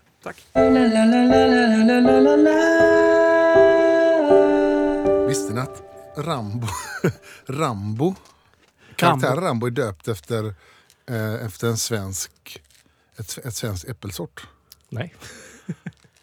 Det här är en sån jävla sjuk story som man tror är en skröna men som stämmer. Det var en... en eh, hinner vi med det här eller? Äter du clementin? Ja, det. Ja. En, en, eh, när, en kille, gubbe, som bodde på Ramberget.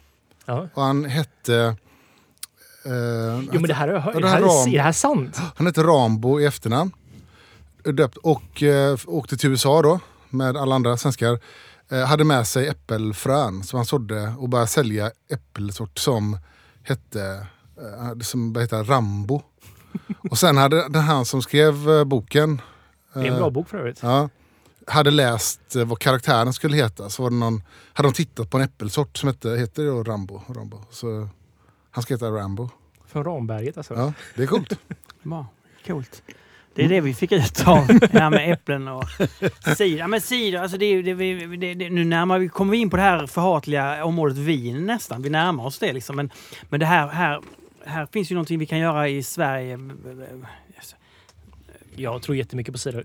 Svensk cider tror jag är, skulle vara... Mm. Ja. Det kommer funka. Men det måste ju bli en rimlig prisnivå tänker jag. Mm. För det är, ju- det är ju riktigt dyra produkter. Ja, jämfört med franska. Det Mm. finns ju jättebilliga franska cider på Systembolaget till exempel som jag tycker håller ganska hög kvalitet också för vad man betalar. Mm. Så det är klart det är ju svårkonkurrerat. Men jag, mycket om man kommer ut på restauranger och sådär så tror jag att det öppnar upp för en medveten publik som också kan tänka sig betala lite för att det är Mm. svenskt. Mm. Vi får se. Vi får göra en uppföljning med honom om ett år. Mm. Det är... Eh, den, här, den här månaden har jag inte gjort någon låt. Va? Eh, nej, för jag har bara gått och tänkt på att jag ska göra den här Flashback Forever-låten helt eh, och hållet. Ehm, och det, det, alltså, göra det som en riktig låt, rida lite på den, den framgångsvågen. ja. Alltså e- extenda jingeln till en riktig låt då helt enkelt. Ja, Ja. precis. Jag, jag tänker att det... Ja, det måste du passa på nu. Ja. Men egentligen, jag, jag är ju en konstnär va? Så jag vill ju jag vill inte... Jag vill, Förlåt att jag skrattar. jo, men det är du Martin. Det är, du är en konstnär.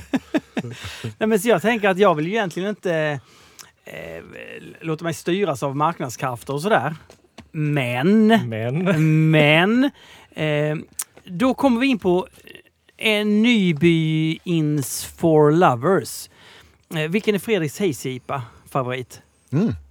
Ja, jag såg den frågan, eh, som man trodde att jag inte hade någon. För att jag, så här, jag, drick, jag gillar Hayes-IPA mycket. Du älskar väl Hayes-IPA? Ja, jag dricker mycket Hayes-IPA. Jag tror att Hayes-IPA är nog... Senaste två åren har det nog varit på topp fyra över, Wow. över volym vad jag dricker. Baby! Så jag gillar Hayes-IPA. Ja, det må jag säga. Ryktet om att jag hatar Hayes-IPA bygger nog på att jag skojar om det ibland. För att jag är, tycker det är lite tråkigt att, eh, att jag ibland i mina mörkaste stunder tänker att vi har inget ölintresse i Sverige, vi har ett New England-IPA-intresse. Då kan jag skoja om det, men jag, jag tycker det är jättegott. Ja, men säg nu, vilket är det? Eh, just det, det var frågan. Jag, jag gillar inte riktigt att jag ska smörja er två idag så mycket, men jag, jag har sagt det här tidigare, Barngatan är en favorit för mig. Eh, och det är det för att den är också har lite beska. Jag frågade Olle igår, och, och det stämde, att, för jag upplevde att den var besk. Frågade, Vilken är din bäskaste IPA? Och då var det Barngatan. Mm, det var det. Jag och Olle chattade igår när han låg i badkaret. Det är gött. Jag har ju flyttat nu också. Det har varit väldigt två intensiva veckor av flytt här. Men jag har badkar för första gången på tio år. Oh, Så jag tar varje dag. Ja, men det, nej, alltså typ. Ja. Jag älskar det, att bada och basta. Och bada är typ fattigmansbastu. Man får lite samma effekt. Man svettas om man har varmt vatten. Nej, men så jag har badat väldigt mycket Mm. helt enkelt. ja, men Så, som Barngatan, mm, jag tycker den är jättebra. Sen, sen så var det någon batch som inte var jättebra. Men sen, Nej, vi hade en som vi gjorde i sent sommar, tidig höst där, som läckte ut utan att den var riktigt kanske skulle nått ut. Men den är god. Jag, sen känns det bra att köpa lokal IPA. Det finns ingen anledning att köpa amerikansk längre. Nej, faktiskt inte. Nej. Eh, jag drack eh, Northern Monks eh, Ocean eh, Sea Session någonting, en 5-procentig. Jävlar vad bra! Och den var bra för att den hade, den hade en komplex smakrikedom. Då jämför jag den med Stibergs West Coast, tyckte den var otroligt fattig.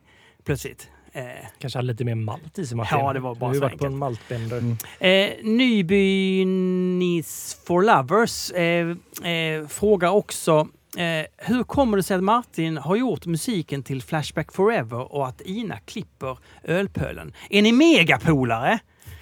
Eh, ja, det är vi väl.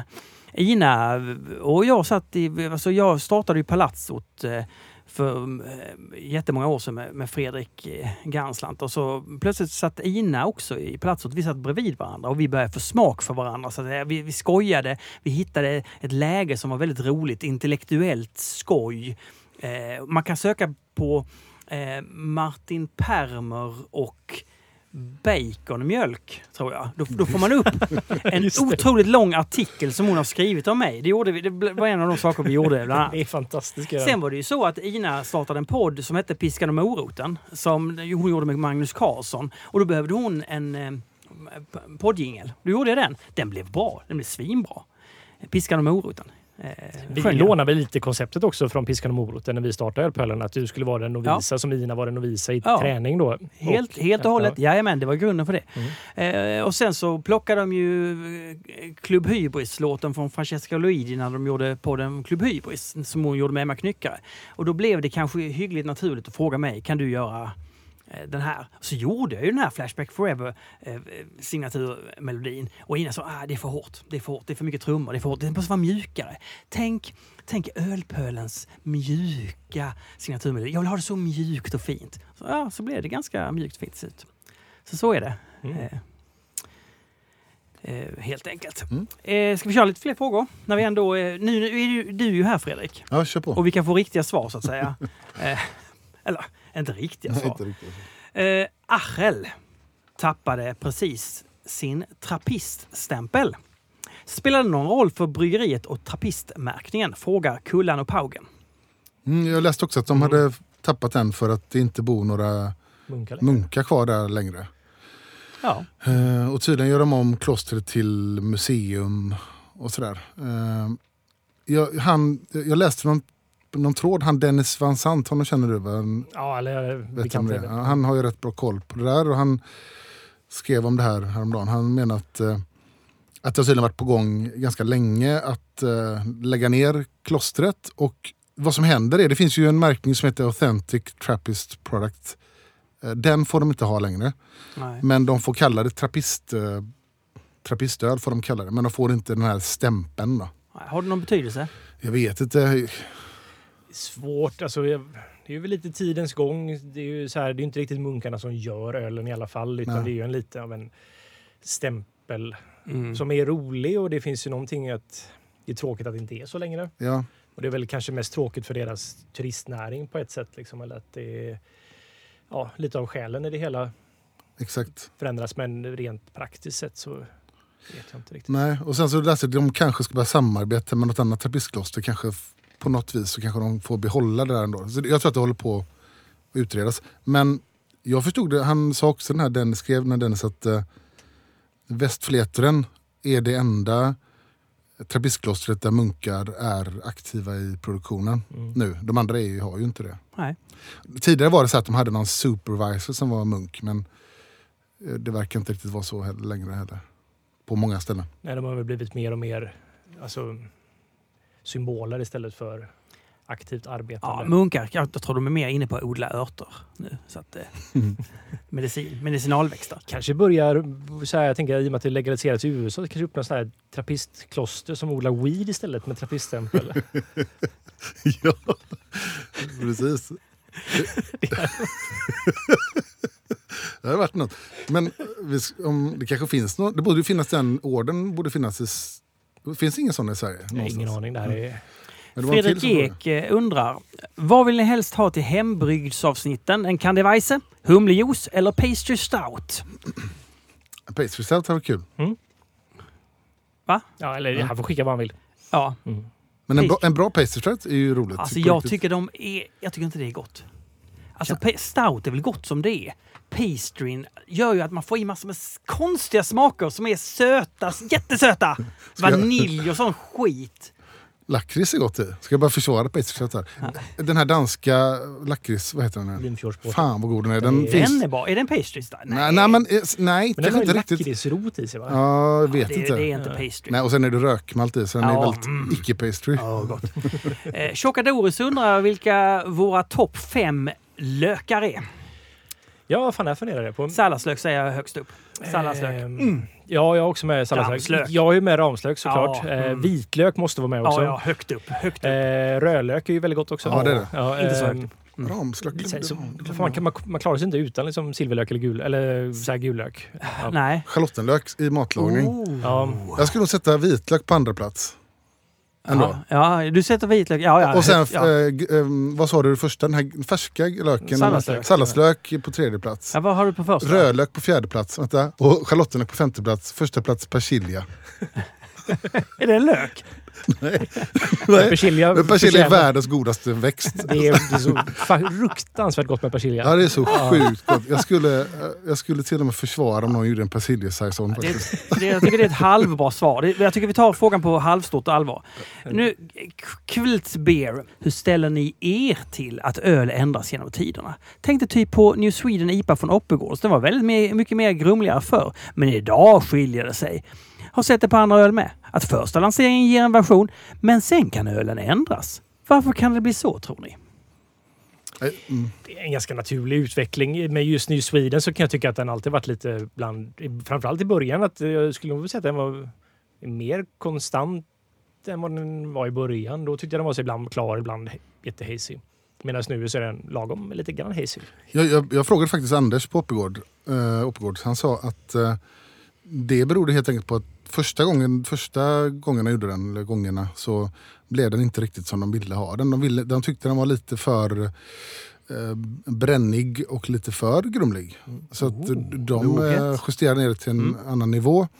Och sen är det väl är det inte så med väldigt mycket öl som kommer från hantverksbryggerier att det varierar lite grann upp och ner? Det är en del av verkligheten och en del av charmen nästan tycker jag. Precis, och man försöker ju, alltså det hoppas jag i alla fall att man gör, att man alltid försöker göra ölen bättre. Sen så är det som att så här, när man gör en öl, om man börjar med en öl så kanske man har, jag kan ofta tycka att man börjar ganska spretigt och så med tiden så smalnar det av lite grann och inser vad det är som är viktigt med den här ölen och vilka maltsorter det är som spelar roll och vilken process det är som spelar roll och så blir det mer strömlinjeform och blir en väldigt pro populär produkt så måste man hitta ett smidigt sätt att göra den på. Mm. Så ibland så kan jag tycka att det blir lite tråkigt när någon gör en jättekomplicerad stout som helt plötsligt säljer jättemycket och så bara så här, så här kan vi inte hålla på om vi ska göra jättemycket av den här. Då tar man bort väldigt mycket som gör att den blir kanske lite tråkigare. Då kan jag tycka att det blir lite så här det är lite fel, men att en produkt ändras under tiden. Narangi har ju sett väldigt... Ja, Du ändrar ganska mycket dina. Ja, men, till, eller? men, Narangi är ett bra exempel. Där har jag liksom ändrat mycket och den pendeln svänger mycket i början och sen så nu mindre och mindre och mindre och nu har den varit ganska samma i över ett år faktiskt. Och så stabil har jag nog aldrig haft en öl tidigare. Och lite tillägg, New Sweden, jag tänker så här kanske, jag vet inte om det är så, men den, den har ju distribution, finns ju typ överallt ju. Mm. Det kan ju finnas vissa bolag där den eh, in, inte säljer lika mycket eftersom det inte är ett engångssläpp och att den står länge. Precis. Kanske klarnar, jag vet inte. Så det är ju... mm, Vad ska man säga? Färskheten i en öl påverkar ju ölen väldigt, väldigt mycket. Så att man får ta in det i beaktning också att en öl som man dricker färskt och en öl som man dricker samma, samma öl om man dricker gammal kommer inte vara samma öl. Nu blir jag osäker. Vad är det för färg på den flaskan? Ljusblå. Ljusblå ja. Är själva flaskan ljusblå? Nej, Är inte det? Men själva flaskan? Är det någon ljusblått på den? Ja, nej, ljusblå etikett ju. Eller blå etikett. Ja, men eh, den skiter jag i. Men flaskan är väl vanlig brun Ja, flaska? det är en eller? brun Är flaska. det en brun flaska? Ja. Typ någon Ja. sån här Ja, det var en mycket Ja. viktig punkt.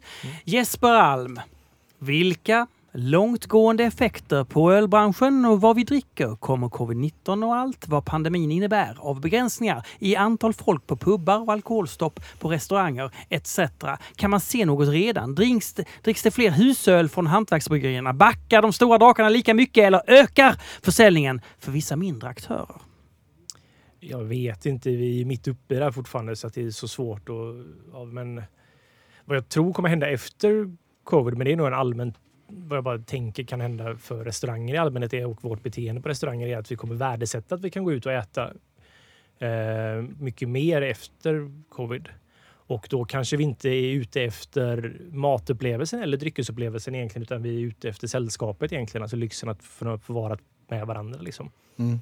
Så jag tror enkla restauranger som satsar på vad ska man säga, någon form av gemytlighet kommer gå väldigt bra efter det här. Ja. Sen det här med stora och små, det vet jag inte riktigt hur det går. Men jag tänker så här, de stora tappar ju såklart mycket på restaurang. Men å andra sidan så dricker vi ju mest hemma, svensken. Så jag tror att de stora har också tjänat på, eller har sålt mycket mer på bolaget. Eh, även om de har tappat så att säga, gränsen har försvunnit och sådär. Men, men jag tror att på restaurang så tror jag de har sett en möjlighet att kunna liksom nypa åt lite extra. Ja. Eh, mot att det ska vara deras öl som serveras. Någonting som de kanske fått mer motstånd mot tidigare. Just eller om det. inte varit covid. Så jag tror de tar vara lite på det tillfället. att Men sen- finns det en som är, ja, men det är sant. Så finns det en så här framtidsspaning som är kopplad till... Jag jobbar ju med så här mat, en del matkunder med så här analys och sådär. Och, och jag, det finns flera av de kunderna har pratat om att de har sett i år att eh, den här typen av pand- när det som har skett nu så, så blir det, det blir någon form av eh, det väcker ett behov av så här landskokooning. Att man vill köpa svenskt. Liksom. Mm. Att man vill Ja. köpa det som känns klassiskt svenskt. Och, Ja. eh, som känner, man känner en trygghet i. Så att många varumärken som är sådana har ju, inom mat har ju växt väldigt mycket under pandemin. Ja, okay. så att, det kan man tänka sig att det kanske kan bli någon så här svenskhetsvåg inom öl. Ännu mer så. Alltså Sen lite så här husmanskostaktigt nästan. Liksom, att Mm. man går till Mm. så här klassiska enkla saker som man vet fungerar. Liksom. Ja. Okej. Mauro Marino Jonsell undrar varför görs det så få öl på 75 centiliter? Jag gillar att dela öl med vänner men tycker att 33 centiliter, 44 centiliter eller 50 centiliter är för lite för att dela med andra. Med vänlig hälsning sur kille som älskar flaskor på 75 centiliter. Man skulle ju kunna ta fler flaskor av de lite mindre sorterna. Ja, fast, mm, fast jag, jag håller med honom. Fast jag har alltid tyckt så att det är fel öl som hamnar på 75 centiliter flaska. För det första hamnar inte så mycket på 75 centiliter. Det vet säkert Olle bättre. Men det, alla har väl inte möjlighet att tappa på 75. Nej, jag skulle säga att om man satsar på en eh, flasklina så satsar man kanske inte en på som är... Alltså man, det är ju gött att ha en som man kan byta mellan allihopa men eh, 75 är väl kanske inte den normalaste storleken där riktigt. Nej, och sen, Utan, sen så ska jag säga att Systembolaget premierar 33 år. jag menar det. Och de har inte begärt in offerter på sånt under fast, på fast sortiment. Så 75 och sådär. Det styrs väldigt mycket av Systembolaget här. Ehm, och sen det så mycket som är på 75 är ju sånt som jag tycker... Visst, jag förstår grejen med att dela men jag tänker mer sen, jag skulle vilja ha pilsner på 75. Eller, eh, ja men saison på 75 funkar skitbra. Men, En liters burkar. ja, men en 75, alltså en 75 impstout på 12 procent, den kan ju vara lite tuff. Mm. Till och med kanske ibland att dela. Liksom. Sen så det, det blir ju väldigt dyrt när vi gör hantverksgrejer, även pilsner på 75 så att folk ser en prislapp och Mm. är den lägre så, är det, så säljer vi mer volym av den. Så att det är ju lättare för oss att sälja i mindre förpackningar. Ja, okej. mm. Och det så att det, är, det är marknadskrafterna som styr lite grann. Mm. Helt enkelt. Så enkelt. Rickard Söderstedt undrar, vad är det här för trams? Motsatsen till hantverksöl? Eller finns det något positivt i detta? Och länkar till en artikel om koncentrerad öl. Alltså vadå, vi pratar om en koncentrerad öl som man spärrar ut då för att få korrekt öl eller? Jag har ingen aning. Men det var väl det här, jag tror Benius skrev om det. Med, Ja. med, nu läste inte jag den där nog, men det har pratats om det där förut. Det skulle, att det skulle vara någon form av spara fraktkostnader och sådär. Mm. Alltså som eh, läsker kommer i någon form av sirap och så bara tillsätter man kolsyrat vatten Mm. eller vad man gör. Men jag skulle säga, jag tror inte det blir stort. Det finns redan koncentrerad öl, barley wine. Precis. spä ut om ni vill, men jag skulle inte göra det. Det gör inte det. Det, det finns faktiskt det. Men eh, det finns ju ändå så här stor prepper-kultur. Ja, det är sant. De kan ju köpa frystorkad öl och bara tillsätta vatten. Och, jag vet inte, så kanske finns såna här som det finns såna här C-brustabletter så här, Ja, med det. lite bub, som man får bubblor. Du kan göra sån Naranji. Orange sån tablett. Ja. Nej. Eh, tillbaka lite till trappisterna bara. För Pontus Wallin snackar om de, de här eh, trappistbryggerierna utanför Belgien. Mm. Han tänkte lite så här att eh, eh, US, amerikanska trappistbryggerier kunde brygga liksom grapefrukt eh, IPA trappistöl. De gör ju det. Ja, österrikarna kunde bygga, brygga Weissbier och de brittiska bryggarna English Strong Ale. Eller, eller måste allting smaka belgiskt för att man är Nej, verkligen inte. trappistbryggeri? Ja, de får alltså... Det är väl bara att det är munk. Det är en munk som brygger någon öl. och då är det en de här nya så är det ju faktiskt också munkarna som gör det. Det där är ju att de här klostren behöver en sysselsättning och då är de ju lite kommersiella och tänker att ja, men öl kan vi göra. Ja, det är klart de tänker så. Men sen är frågan, är det, är det kul? Liksom. Alltså, jag tar det man har lokalt i sådana fall. Jag tycker Mm. det känns bättre än att man tar belgisk eh, kultur. Ja. Faktiskt. Vi har ju en fyr, alltså, ja, öl är alltid om... eh, Men, men, men jag tror att det där är ju ett nytt, det är en ny grej. För att det har ju de här trappisterklostren som ligger utanför Belgien. Det är ju jättenytt. Mm. Alltså Holland har ju haft dem, men eh, de här har ju kommit de senaste tio åren. De här i Ja. Italien och Österrike och USA. Och så. Ehm, nej, jag vet inte. Det är klart man kan... Jag vet inte, jag kan samtidigt tycka, nej de behöver inte göra exakt samma öl som belgare gör. Men det finns ju någon... Och trappist är ju ingen ölstil. Men däremot så kan jag nog tycka att det finns ju något belgiskt arv i det som känns schysst om man behåller sådär. Mm. Det finns ju alltid något annat man kan göra under andra varumärken menar jag. Jag vet fan. Nej, Men det är inget krav tycker jag inte, utan vill man göra så gör man det. Ja, och det, man får ju det. Då tycker jag vi kastar oss över eh, månadens ölstil. Eh, och det var ju belgisk stark öl. Nej. Belgisk, stark öl. Mörk belgisk stark öl. Ja. Var det så? Ja, mörk, stark belgisk Vad är Ale. Ja. Okej. typ. Ja.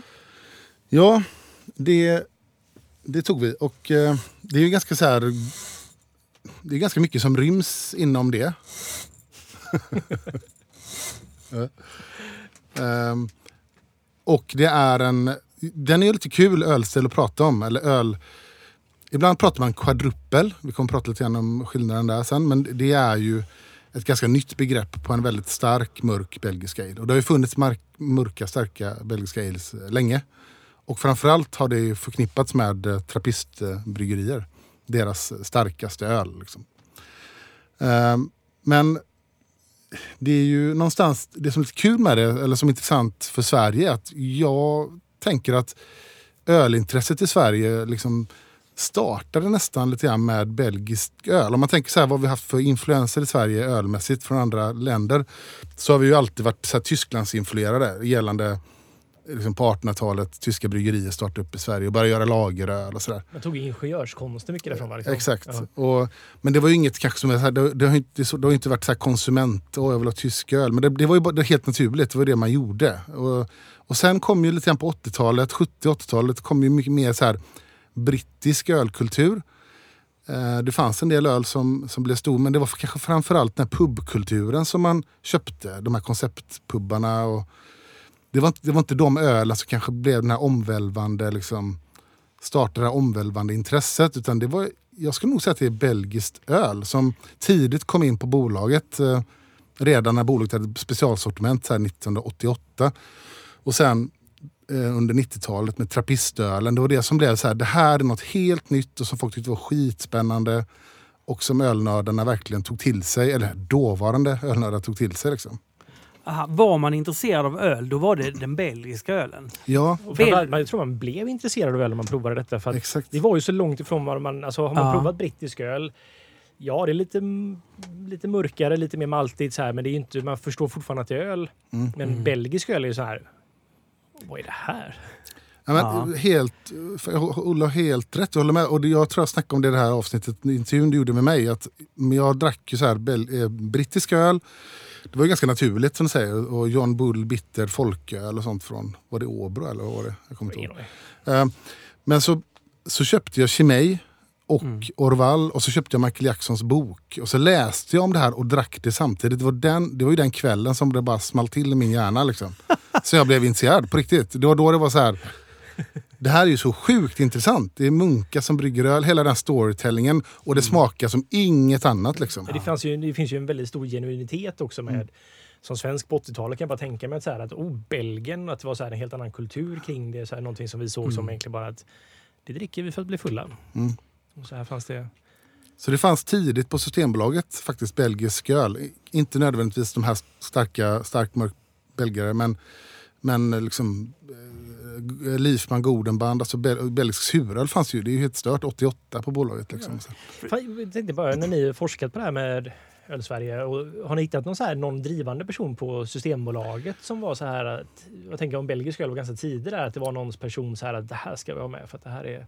Ja, vi har försökt, Systembolaget, vi har pratat med bolaget en del och det, de som jobbade där då är ju inte kvar. Nej, Liksom. Så att, men det som var, väldigt, väldigt drivande igen, det var ju mycket kring eh, Svenska ölfrämjandet som eh, på 80-talet liksom tjatade på bolaget och vad de skulle ta in. Janko, Jan-Erik Svensson, skickade ju så här bombade bolaget med listor på öl, det här borde ni ta in. Och faktiskt fick Svenska ölfrämjandet fick ju bolaget att ta in första specialsortimentet för öl och det här var 88. Okej. Och då blev det en sån succé. Det, det var på några butiker i Sverige de sålde så här, ja, belgiskt öl och jag kommer inte ihåg allt det var, men inte jättemånga öl, kanske tio olika öl. Det blev köer liksom utanför och tidningarna skrev om det så att eh, ölen tog slut. Så det här blev en jättegrej. Liksom. Och efter det började Systembolaget utöka sitt sortiment allt mer. Så att lite Svenska ölfrämjandet måste man nog ändå ge det här Mm. Ja. De var en riktig konsumentorganisation på den Då tiden. på den tiden var de det. Och mm, sen så tror jag också mycket att det här, det vi pratar om storytellingen kring belgiskt öl och trappistöl, det gjorde jättemycket för det var många som blev intresserade av det helt enkelt. De säger att det var något nytt liksom. Mm. Jag, jag, en reflektion är att vinkonsumtionen var ju den stora eh, alkoholkonsumtionen eh, vid, vid den tiden. Och jag tänker att eh, då fanns ett intresse av Frank. Frankrike hade en ganska stark eh, eh, plats i svenskarnas hjärta när det kommer till vin. Alltså, det fanns ett intresse av att köpa ett franskt vin. Det, det har högre kvalitet än något annat vin. Va? Eh, och det, det ligger ju lite nära då, öl från Belgien. Plötsligt, det kan ju också... Belgien ligger nära Frankrike. Ja. Det här är oerhört hittepå. Mm, mm, mm. Ja, men jag, kan, för jag har också tänkt så här lite Belgien och Frankrike som två... Ja, men en superhjälte behöver ju alltid sin nemesis. Mm. Annars finns det ingen... Ja, men det, det finns ju ingen... Alltså, varför behöver superhjälte finnas om det inte finns någon ond person som har Ja. exakt motsatt egenskap eller liknande? Nej, men som med Altbier och Kulsch och sådär och Bitter och Mild. Mm. Och så Belgien, där är det öl och i Frankrike är det vin. Mm. Sen så går det ju in i varandra såklart, men att Ja. de behöver varandra för att det, är så här, de ska vara två dualiteter som Mm. någonstans. Mm. Det är två olika kulturer som behöver varandra för att Ja. motivera sin egna kultur. Liksom. Och då behövs det också så här att om Frankrike är bäst på vin så behövs det ett öland i Sverige som är bäst på det också på ett sätt. Precis. Och där, Tyskland finns såklart, men det var ju mest bara lager. Liksom. Ja. Och Belgien stod ju för det här lite mer konstiga, liksom, det som smakar mycket. Liksom, att det, Ja, men exakt, det smakar mycket och Mm. hade mycket stories. Och, igen då, Michael Jackson skrev ju tidigt om belgisk öl och det var ingen som hade skrivit om belgiskt öl tidigare. Det var, och kom ut brett liksom, med den här World Companion to Beer 77 och sen under 80-talet. Så det spred ju sig ryktet om de här belgiska ölen och, de, och särskilt de här starka belgiska trappistölen. Då. Så jag tänkte vi ska prova ett sånt eh, nu. Då, och då kan jag fråga, eh, medan du trixar med det. Jag ska ju ta bilder också. Har du öppnat Olle? Bilder. Jo, det, alltså när vi säger då belgisk stark öl, alltså lite starkare öl. Är det det som är mest signi- signifikativt för Belgien, just den starka ölen? Är det det som är det mest belgiska? Alltså det där är en bra- jättebra fråga och en, det är ju det som har blivit känt. Men, men ibland så kanske det blir lite missförstånd att all belgisk öl är jättestark och det är det ju inte och så har det ju inte alltid varit. Belgien har ju haft en lång tradition av så här table beers och svaga saisons och sånt. Och, men- Men framförallt när, vi ska prata lite grann mer om det sen, men när, när ölintresset började växa runt om i, i världen, då var det de starka belgiska ölen som fick uppmärksamhet. Det är väl därför man förknippar det mycket med, med Belgien. då. Chimay blå, det är inte så ofta Man dricker, jag dricker sällan det nu för tiden. Jag vet inte. Ja, jag drack det mycket, mycket mer. Förr det, var Ja. ditt party, partyöl. Men jag tänkte bara, om man kort, bara vad vi, om vi definierar lite bara smakmässigt vad det brukar vara. Sta, stark mörk belgisk ale. Det är ofta 8% och uppåt. Det är eh, uppenbarligen en ale, va, ganska ofta varm, väldigt varmjäst, har fått gå fritt i temperatur så de kan ha jäst riktigt, riktigt varmt. Det blir mycket estrar. Det ska finnas kryddiga fenoler i dem. Mycket torkad frukt, så här plommon, romrussin. Mm. Mycket komplexa sådana högre alkoholer. Torkad frukt är det som jag förknippar mest med det här. Liksom. Mm. Men även också oftast en eh, liten så här eh, nötighet i maltsmaken och så också. Mm. Den här har ju faktiskt det. Väldigt, väldigt mycket. Det är väldigt gott. Och sen så i, även om de är, de blir ju ganska torra. Mm. Trots att det är mycket alkoholsötma och mycket maltkaraktär så är de ju oftast med kandisocker och liknande, mörk kandisocker i mörkare. Och, och det gör ju att de blir ganska torra. Det blir ganska lättdrucket i alla fall. Det är, Mm. det är en uppfriskande faktor i dem. Det är inte som en Imperial Stout med sjukt Nej men kladdig exakt. alltså, eftersötma utan det här är... Du vill ha en till klunk när du väl druckit upp en. Ja, det har du helt rätt i. Och som du säger, för också man använder en del socker och jäser ut bra. Plus att jag läste också om att i, i ja, även belgisk ale har ju blivit, eller belgisk ale-jäst har ju också förändrats och blivit mer eh, effektiv eller Mm. jäser ut bättre än vad den kanske gjorde för... Precis. Den är ofta 70 år sedan. eh, diastatisk, eller vad man kallar det, men att den har förmågan att spjälka egna från Mm. eh, alltså, långa molekyler till kortare sockermolekyler så att den kan efterjäsa. Och det är ju oftast väldigt hög kolsyra på belgisk Mm. öl i allmänhet. Ja men det är det. Mm. Vad tyckte du om det här Martin? Då? Smaken sitter ju kvar superlänge. Ja. Jag tror det först, när jag känner dofterna så är det väldigt mycket brödighet i doften. Men sen när jag smakar det så är det den här druvigheten, russin, alltså det är torkade druvor. Mm. Och, och, Ja. Ja. Nej, men det är och- väldigt mycket det faktiskt. Ja.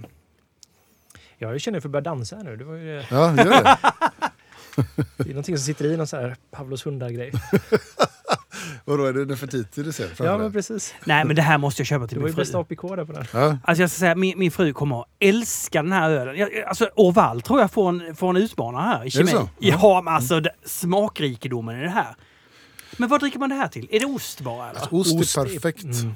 Men, men också, också mycket, jag tror lite grann så här att den här typen av öl, belgisk stark mörk ale, har ju svenska bryggerier under många, många, många år totalt ignorerat. Man har gav sig inte på det här och jag tror att det första bryggeriet som gjorde det, tror jag nu, var ju Slottskällan med eh, Kloster, hade de ett öl som hette. Men sen var det ju ingen som gjorde det på nästan 20 år. Liksom. För några år sedan började en del bryggerier göra någon specialgrej då och då. Men det är, ingen, det är inget öl som svenska bryggerier tar till sig riktigt. Nej. Jag är livrädd för att göra sån här. Ja, det- Jag har ju en idé om jag vill göra. För att det är en, svårt typ- att få till, eller vad tänker du? Ja, lite så att man... Det är lite mystik kring det här liksom. Mm, Men jag skulle vilja göra en julöl. Som är liksom just det. i en mörk belgare. För jag tycker också det här är en ganska bra matöl. Till exempel till julmat faktiskt. Med, I och med att det är så pass torrt så blir det ganska...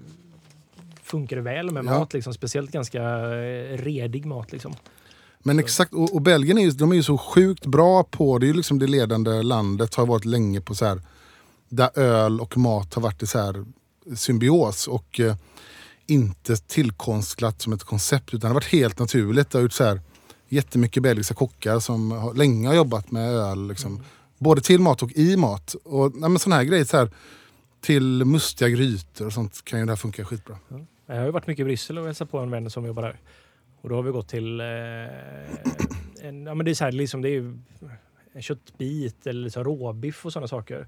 Och så har jag druckit The Dollars Arabir Just det. som är en halvmörk Mm. stark. Den är åtta tror jag. Och bärnstensfärgad liksom. Jättegott. Det är Ja. så här, det är verkligen en... Så det kanske är att väldigt bra till mat. vi kanske inte har upptäckt det som matdryck riktigt Nej. I Sverige. Det finns, ju, det finns ju någonting som påminner om din vintervärmare. Och den typen av... Alltså det finns ju en söthet och du har maltigheten och mycket smakrikedom. Jag Liksom. använder ju maltsorter också som jag ville att det skulle ge då en torkad fruktton i vintervärmen. Ja, Att det var... det, det kan jag känna igen. Mm. Den, den har ju faktiskt, vintervärmaren har ju aromatic malt som är en maltsort som ehm, eh, jag alltså den är ju, det är ju det som oftast ger väldigt mycket av smaken i bärnstensfärg eller mörka Mm. belgare. Den här var supergod. Mm. Och så Chimay blå, det är, någon så här, det är ju symbolen. Det är kanske det, är ju det mest kända så här, trappistölet får man nog säga. Eller bredaste, det du hittar eh, mest. Och det är förmodligen ett av de, kanske det största eh, trappistölet. Det skulle jag säga. Det eller du, Orvall då i sådana fall. Ja, nej, Orval är, inte, är mindre, jag är rätt säker på. Men Mm. för Chimay är ju riktigt, riktigt mycket öl. Och det här ölet är från, från klostret då, Chimay, som började brygga öl på 1800-talet. Men det här ölet är från 1948, eh, började 1948 typ.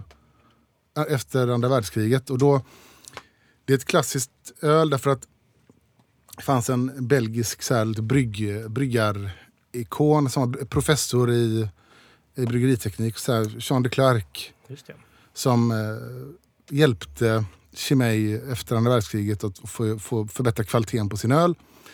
Eh, och eh, tog, hjälpte till att ta fram det här ölet. Så det var tidigare ett julöl då. Men det här kom 1948 och det blev eh, väldigt populärt. Sen hjälpte han ju massa bryggerier i Belgien när Jean de Klerk och blev liksom, han är nästan lite urfadern till modern belgisk ale. Typ, och hjälpte bryggerier och sådär. Och han, är, han, är, han dog på 70-talet någon gång och begravd på, inne på Chimay. Han är så här klassisk eh, bryggar har du eller varit Chimay? ölkon. Nej, jag har inte varit, jag har varit utanför Chimay. Eh, Du har varit utanför många Ja. bryggerier.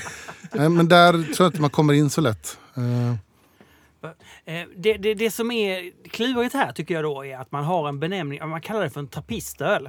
Det Mm. benämner alltså vilka har gjort, ja det är ett munkar som gjort det. Men, men som du sa Olle, de kan ju brygga, brygga vilken öl de vill. Det säger ju ingenting om vilken ölstil det här är. nej, så trappistöl är ju inte en, eller trappist är inte ett stil. Nej, så vad är stilen på det här? Stilen är mörk, stark eh, eh, belgisk ale.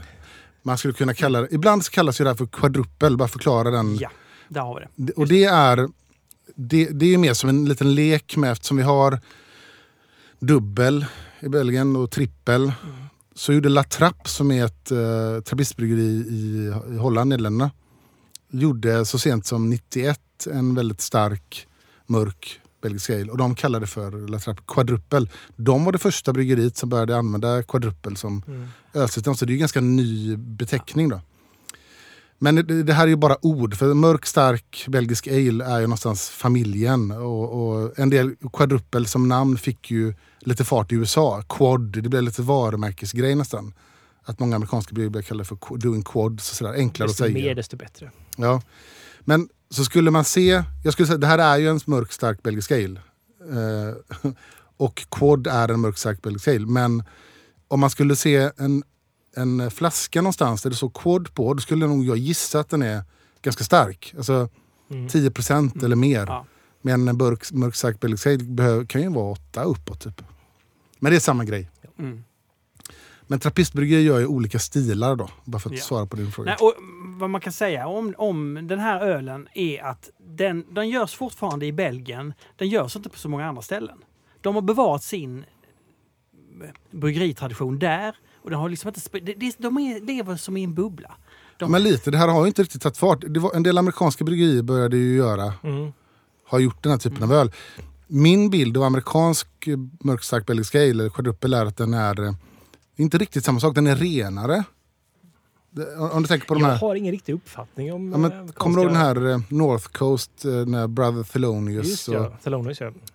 Eh, och ofta lägger de, de fatlagrar ju ofta ja sina grejer. den var väl ändå ganska humlig också för mig. Förmodligen. Ja. mer humlig än mycket belgiskt eftersom det är USA. Liksom. Så att, men USA har ju tagit upp det lite grann men annars är det ju inte många andra som gör den här typen av... Den konkurrerar väl med Imperial Stout och Barley på den tiden och Ja, det kanske var lättare att förklara vad det här var. Och, precis. Ja. Ja. Men sen så, man måste ju också nämna eh, världens mest hypade öl Mm. om man ser det till Kanske inte just nu men genom tiderna ja, sammanslaget så blir Jag har det. faktiskt med det. Har du det? Mm. Är det sant? Ja, du har med dig världens mest ja hypade det som öl. var det. För att, Det som var det Mm. har du med dig. Men jag kör ju bil. ja, men bara en skvätt då. Ja, ja visst. Eller så kan du Det lämna var faktiskt bilen. länge sedan jag drack den nu. Ja. Och den här har jag liksom, den, är också, den är några år. Så. Det är Fantastisk varumärkesidentitet Ja, ja. på den här flaskan. Man vet exakt vilken det är när man ser den. Ja, Jag tror att den där kan vara mellan fyra och sex år gammal. Snyggt. Fin färg. Så jag vet Oj. inte om den är... Den här typen av öl, jag tycker funkar. Mm. Känns den okej eller? Ja, funkar ju när de blir lite oxiderade. Det är ju väldigt lagringsbara öl. Precis. Liksom. Den- Och, och, Jag skulle säga att det är en väldigt snygg spännande. oxidering i, eh, när jag bara luktat på den här, men Ja. det var en väldigt snygg oxidering på den. Fint. Snygg oxidering. Men vissa maltsorter funkar väldigt bra att oxidera. Eller att de, eh, med, att de blir godare med tid helt enkelt. Alltså det blir en ox, naturlig oxidation. Ja. Här är då det, det trappistöl som har varit så här mest mytomspunnet och hypat och helt enkelt för att det varit svårt att få tag på det här. Och det är ju också väldigt gott. Ja. Och de gör, har gjort ganska så liten volym så de har ju fyllt alla så här eh, hype-ticks liksom. Det här bryggeriet jag pratat om när man var tvungen att ringa en munk, du vet. Och så beställa. så Jag kommer och hämtar upp ölen då. Mm. Vi har pratat om det här i många tidiga avsnitt av Ölpölen. Precis, du kunde inte köpa det någonstans. Eh, Du kunde bara köpa det på bryggeriet. Och du fick bara förboka liksom, öl och sådär. Och vad heter det då? Västfleteren 12. Mm. Jag Vad heter får- själva eh, bryggeriet eller själva Sankt Sis... Uh, uh, Sint Sixtus heter väl det intill, eller heter det Sankt Sixtus? Jag kommer inte ihåg riktigt. Oj, det här har ju... Alltså det här, det här ölet har ju en sån unik karaktär. Jag tänker alltid på eh, romrussin. Mm. Jaha då. Men det här har jag inte riktigt tänkt på så mycket tidigare, men just nu så tänker jag jättemycket på mörkare honung. Luktar på det. Det, är alltså, Ja, ja. det luktar honung. oh ja, verkligen. åh herregud ja. Det luktar precis som honung. Men det har inte jag tänkt på så mycket tidigare. Nej. faktiskt. Nu har ju den här lite tid på sig. Nu är oxidationen ganska tydlig. När den är färskare så är det ju mer som... Det är inte så... Alltså då, då är det mer som en man dricker Chimay liksom. Mm. Men det är också lite så här mer nötighet men också så här en typ nästan mandelmassaton liksom. Ja, just det. Ja, det är sant. Men honungen är jättedominerande här i alla fall näsan. Och det här ölet är ju, det här är klostret började brygga öl, jag har skrivit upp här. Eh, började brygga 1838 men det här ölet är från, från 1940 började det här göras. Och det är ett väldigt litet kloster och det är som det jag nämnde tidigare, det här är det enda klostret, eller trappistklostret där, brygg, där munkarna fortfarande är de som brygger ölen. Då. Och det här ölet då, det var så svårt att få tag på så att Rate Beer när det i sin kom igång då på eh, ja, när kom Rate Beer igång? 90-talet. Så, och, och hela 00-talet och även stor del av 10-talet så var ju det här världens högst ratade öl. I, alltså, så länge Rate Beer har funnits. Och det här Ja. varit det. ja. Sen tog det över av Kaggen och, och sånt. Mm. Men det ligger fortfarande så på topp två eller tre på Men Rate Beer. hur fick du tag på det här då? Alltså, det, här, det går att få tag på det. Jag köpte på en webbshop för några år sedan. Där. Sen har jag varit nere på klostret och, och köpt det i, de har ett litet café utanför där. Där du får köpa några stycken. Men- Så det är inte längre det här att du måste... Tidigare var det så att du var tvungen att ta en, använda en bil och åka till en lucka liksom in till Ja, just det. Men vad betalar du för det här? eh, 100 spänn flaskan. Ja, det är överkomligt. Mm. Jag var ju på Ströjsös ölfestival. Blete den craft beer festival något år.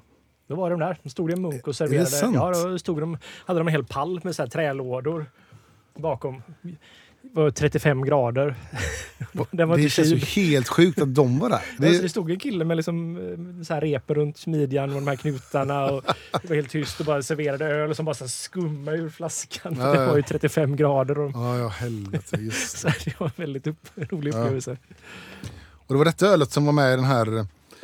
Det var Om- bara en bänk och så en munk och en pall med västlighet. Fan, varför var de det? Det är jätteintressant. De ligger ju precis bredvid. Okej. Aha. Så att, eh, mm. De började ju öppna upp sig lite grann för några år sedan. Mm. Och det var väl en gång där liksom. Jag tror de har stängt igen sig själva lite grann igen. Ja, det är möjligt. Det kändes att de lanserades på bolaget. Och lite, Just det, de ja. hade något släpp där. Och Det var ungefär i samma tid där. Nej, men så att, De skulle kanske renovera och behövde lite pengar tror jag. ja, det kan vara så. Nej, men så det här var ju länge så här, värld, sett som världens bästa öl. Och det var så mycket story. Det finns ju inget öl som har haft någonsin som haft så mycket storytelling som det här. Så många personer som pratar om det här ölet, om hur svårt det är att få tag på. Man får åka dit, man får ringa. Jag ska nog säga så här att jag, jag, jag föredrar Chimay på ett sätt. Därför det här drar ju mer åt... Det här är mer findricka. Det här är mer barley wine-iskt. Mm. I det att man kanske tar den lite mer... Det, ja, Den är mer sippig. Är den ju. ja lite mer så. Men inte, verkligen inte dålig, utan väldigt, väldigt bra. Ja, och det här fick ju en så här, ett ännu starkare rykte i eh, när den här tv-serien, vad hette den? Stora ölresan. Du var med i den, Olle? På, Nej, det var inte. men satt inte ni och drack öl på Ölrepubliken? Jag var inte med där. Nähä, Nej. okej. Men Viktor då? Viktor Just det, Viktor var med. Ja, men det var ju en göteborgare, en journalist som gjorde... Har du sett den? Nej. Jag gjorde en serie i, i tre, fyra delar Ja, jag kommer inte ihåg. o- om öl. Då. Den blev ganska omtalad. En del tyckte den var jättedålig, en del tyckte den var jättebra. Den var dålig och bra. Ja, jo, det var den. Och då, då avslutade han, han liksom egentligen undersöker myten kring öl och kan man känna skillnad och hur mycket varumärke och sådär. Och då, då avslutas ju hela serien med att han, han har försökt ringa till klostret och för att köpa öl och han kommer bara fram till en telefonsvarare i veckor och sådär. Mm. Till slut så får komma fram till någon som svarar. Och där han säger att kan ni lägga undan en pall eller eh, några flaskor. Men det fick, fick han inte. Utan, så han åkte ner dit då. Eh, det här är ju jättebra tv så- såklart. Och stå, får stå och tjata om att få tjata till sig och köpa några få flaskor. Sen åker, ställer han bilen på parkering en bit från klostret och sätter sig och lutar sig mot bilen och öppnar flaskan med typ en snusdosa eller något så här. Ja, ja. Och sitter och dricker ur flaskan då. Lutad mot bilen. Så här, världens bästa öl. Och så avslutar serien. Det är ganska roligt. Sideway, vad heter den Sideways. filmen? Ja, den Ja. filmen när han sitter och dricker det här vinet i en Wendys mugg eller vad det är för något. Ja. Ja, just det. Här kan man då tänka den stora ölresan. Det är ju det tv-programmet vi ska göra. Och då kan man alltså bara, man, och sitter man på lite producent på SVT då, då bara skriver man till martin at martinpermer.se så kommer jag svara på det. Eh, och komma med krav, motkrav. För jag vill, jag vill ha kvalitet i alla fall. Mm. Det kan jag säga. Ja. Så, vad tänker ni på några svenska ölbryggerier som har gjort den här typen av öl? då? Jag har ingen. Nej. Det är inte så många. Nej, men framförallt var det i lång tid och ingen gjorde det. Men förra året kom ju Nynäshamn med en Just det. kvadruppel. Eh, jag skrev upp en del här som jag hittade. Vreta Kloster heter ju ett nytt bryggeri som gör bara belgisk öl. Jag vet inte om du har provat något Nej, av jag dem? har faktiskt inte provat dem. Ganska rolig, och snygga flaskor, snygg etikett, ganska roligt koncept. Sådär. Den fokuserar på att göra ja, bara belgisk öl Mhm. i Sverige. In till ett, ja, det ligger väl nära Vreta Kloster uppenbarligen. Eh, han gör eh, quadruppel, eller mörkstark Det är belgare. väldigt spännande varför man ger sig in i en sån värld. Och, Det går ganska bra tror jag. ja. Eh, det, han har byggt ut bryggeriet nu och För det är ju någonting jag tänker att det är svårsålt. Tänker jag. Det är Mm. ju inte så många som... det är nog det. Sen är det en del bryggerier på Gotland som gör det här. Barlingbo Mhm. gör den här Mm. typen av öl. Ja. Ängöl har gjort det. Sankt Ja, Eriks har gjort Ängöl det. har jag faktiskt druckit, ja. Det är sant. Mm. Men de som kanske gjort det länge, det är de här Jack Daw, sv- svart, eh, svart drak. Ja. Som ofta var smaksatta såna här belgiska mörka ales. Det stämmer. Devos i Göteborg. Defos, Devos. Ja, just det. Men de är, är de kontaktsbryggeri eller är de riktigt bryggeri? Jag har aldrig riktigt fått grepp om det. Devos. Ja. De är ju en del, det är ju samma sak som Två feta grisar. De äger väl det ihop, det Aha, varumärket. Så de brygger okej. hos dem. Ja. Ska vi ta en öl till eller? Pallar ni det? Ytterligare trappistöl. Det här, eh, det här är väl också så här en av de mest klassiska eh, kvadruplarna. Belgisk, stark mörk belgare. Jag kan inte uttala det. Rochefort. Rockford, jag vet faktiskt inte. Som osten. Men det här var för mig eh, min favorit eh, trappist, mörkbelgare. Ja, den här har ju kanske mest karaktär av alla. Mm. Var inte den här lite, lite spritigare? Den är betydligt starkare, än, eller den är 2% starkare än Ah. Okej. Ja, den är, den är mer Mm. alkoholig. Och det är ju mer i gästkaraktären här, så att säga. Det är mycket mer belgisk ton i det här. Ja, det här, det, här, det här var inte så bra. det, här, det här har de gjort något misstag alltså. Ja. Men den här för mig till ost är magisk. Det här är Sjukt gott, Ja, alltså. det är jätte, jättegott. Ah, Alltså, gärna Mm. lite mögel och så krämigt och sådär. Och så, Mm. ja, bryter Alltså. igenom så fint det här feta i ost liksom. Ja, jättegott. Ska man säga mer? Den här typen av öl, det, är ju väldigt lagringsbart som sagt. Ni provade den väst, den 12, den var ju några år gammal. mm. Chimay Blå är så klassiskt lagringsbart öl som brukar räknas som ett av de bästa ölen att lagra om man vill testa det. Sen har, Jag har fortfarande några som är, de borde bli närmare sig 12 år nu faktiskt. shit, Ja, men Ja. det senaste vi provade dem så smakar de eh, inte så gott. nej. Men de har inte lagrats optimalt tror jag. Och jag tror Chimay Blå har också ändrats ganska mycket. Vi pratade om det när vi pratade Orval. Orval har ändrat en del processen. Mm. Chimay har också gjort det. och Sådär. Men det är så här klassisk lagringsöl. Och det finns... Eh, Det finns en bar eller en pub eh, i Antwerpen som är så här klassiskt lagringsbarställe där du kan köpa mycket trappistöl som har varit länge. ja. Som heter Kulminator. Och det är ju världens konstigaste bar. Vadå då? Verkligen. Men vad är, Alltså, vad- det går inte ens att beskriva. Ja, det är helt sinnessjukt. Det är en gubbe som heter Dirk som jobbar där som ser ut som, nu var det många år sedan var där, men han, redan då såg han ut som han i Tillbaka till framtiden, vad heter han, han med vita hår? Ja precis. Ja. Mm. Lite smågalen. Eh, har alltså en källare med sinnessjukt mycket öl. Så att du får beställa uppe, om man är på gott humör så får du beställa öl, köpa öl. Eh, om man är på bra humör och då går han ner i källaren och hämtar det. Hans fru jobbade, jag vet inte om hon lever fortfarande, men, eller hon Men jag, var där för två år sedan och då var hon där. Hon var det? Ja. Det är jättehemskt egentligen. Han har pli på henne så hon får inte gå ner och hämta öl utan det är han som ska hämta ölen. Liksom. Och, och, Väldigt belgiskt. Väldigt belgiskt ja. Och, och sen så har han ju varit haft mycket rykten om att han är på jävligt dåligt humör ofta. Han har ganska mycket så här nekat amerikaner som kommer dit och vill vräka på. Liksom, som har mycket pengar och så, som ska köpa upp hans lager. Så, här. så han har ju ofta så här nekat amerikaner. Mm. Han får inte köpa. Nej, Vi blev ju... Alltså vi fick inte ens komma in först. det var så. Ja, nej, men det var, alltså, det var, vi var i Antwerpen på en ölfestival. Billys Craft Beer Festival. Tyvärr så har Billy dött nu. Det var en hund. Men, ja. eh, en väldigt bra bar i Antwerpen som anordnar den festivalen som är också importör tror jag. Och så efter festivalen, ja men vi går dit, vi, så här, vi kommer säkert inte komma in för det är ölfestival så det kommer vara massa amerikaner och sådär. Så det var lite kö. Och liksom, det var ju låst i dörren. Liksom. Det sitter Ja. massa folk där inne, man ser dem gå omkring där. Och så här, men vi väntar en stund här och så kommer det någon som är stammis och bara knackar på dörren och kommer direkt öppnar. Och vi har stått och knackat och, liksom, så här, och tittat ens på oss. Till slut så eh, gick vi in när någon annan gick ut. Och så tittade de på oss och sa ja, okej då. Typ. Ja, det var så. Ja, Så men, satte vi oss ner och pratade med några norskar som var där och drack ja, men öl som var jätte... Alltså ett, de jobbade i Antwerpen. ja. Eh, ett äldre, två äldre män. Så vi satt, vi satt med dem och tjötade och de gick dit ofta och liksom drack så här svingammal öl. Ja. Ja, Jag har också druckit svingammal öl där. Och sen vet jag inte vad jag tyckte om det nu, men när jag var där det är 2000 så drack jag 25-årig Chimay som jag då tyckte var fantastisk. Ja. Eh, Jag vet inte vad jag tyckte då, men det var, det var helt magiskt. Liksom. Och apropå hund, han hade också en sån, eh, sån rabieschefer i, inne i baren som bara var aggressiv och sådär. Så att, ja, det var ett jättekonstigt ställe. Men Liksom. det är ju som att gå in alltså, det är ju en bar, men det är som att gå in i någons vardag. Det är bara tidningar över och böcker som bara ligger i travar och det är så Ja. dammigt och ja. Jag har så mycket konstiga minnen. Från, jag har varit där några gånger och det har alltid hänt något konstigt när jag varit där. Jag jobb, vi jobbade med en belgisk psykolog som, eh, som bodde i Antwerpen. Och så när vi var där så bad vi honom komma dit. Vi drack öl. Så beställde han in lite tilltugg när vi satt och drack öl.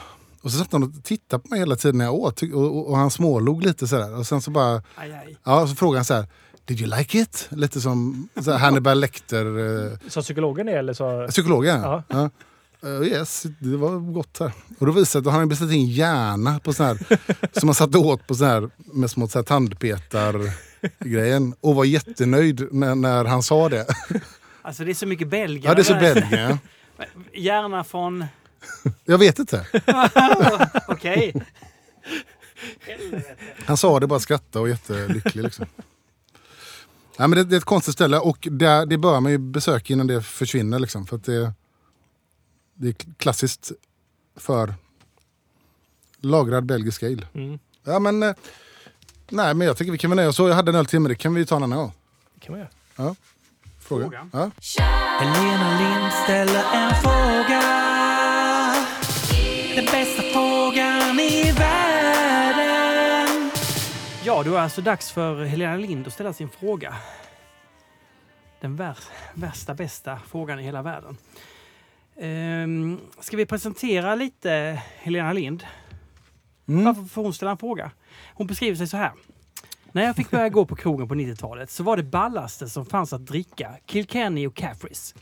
Senare som Erasmus-student blev olika typer av veteöl en viktig del av min kostcirkel. Berliner Weisse kunde fås med eller utan syss och hallonöl kunde serveras i champagneglas. Bryggeriet vid NF på Stockholms universitet hade fantastiska ölprovningar. Där sattes ord på smaker som gammal höskulle och insidan av svettig ubåt. Via dem började jag prova öl med Oh My Head-gänget som då hade världens största ölrating-hemsida.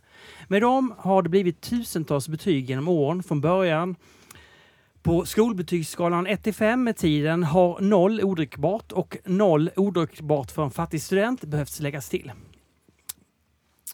Eh, oh My Head, Per och hans otroliga kontaktnät har trollat fram öl från alla världens hörn. Så, vilken typ av öl gillar jag?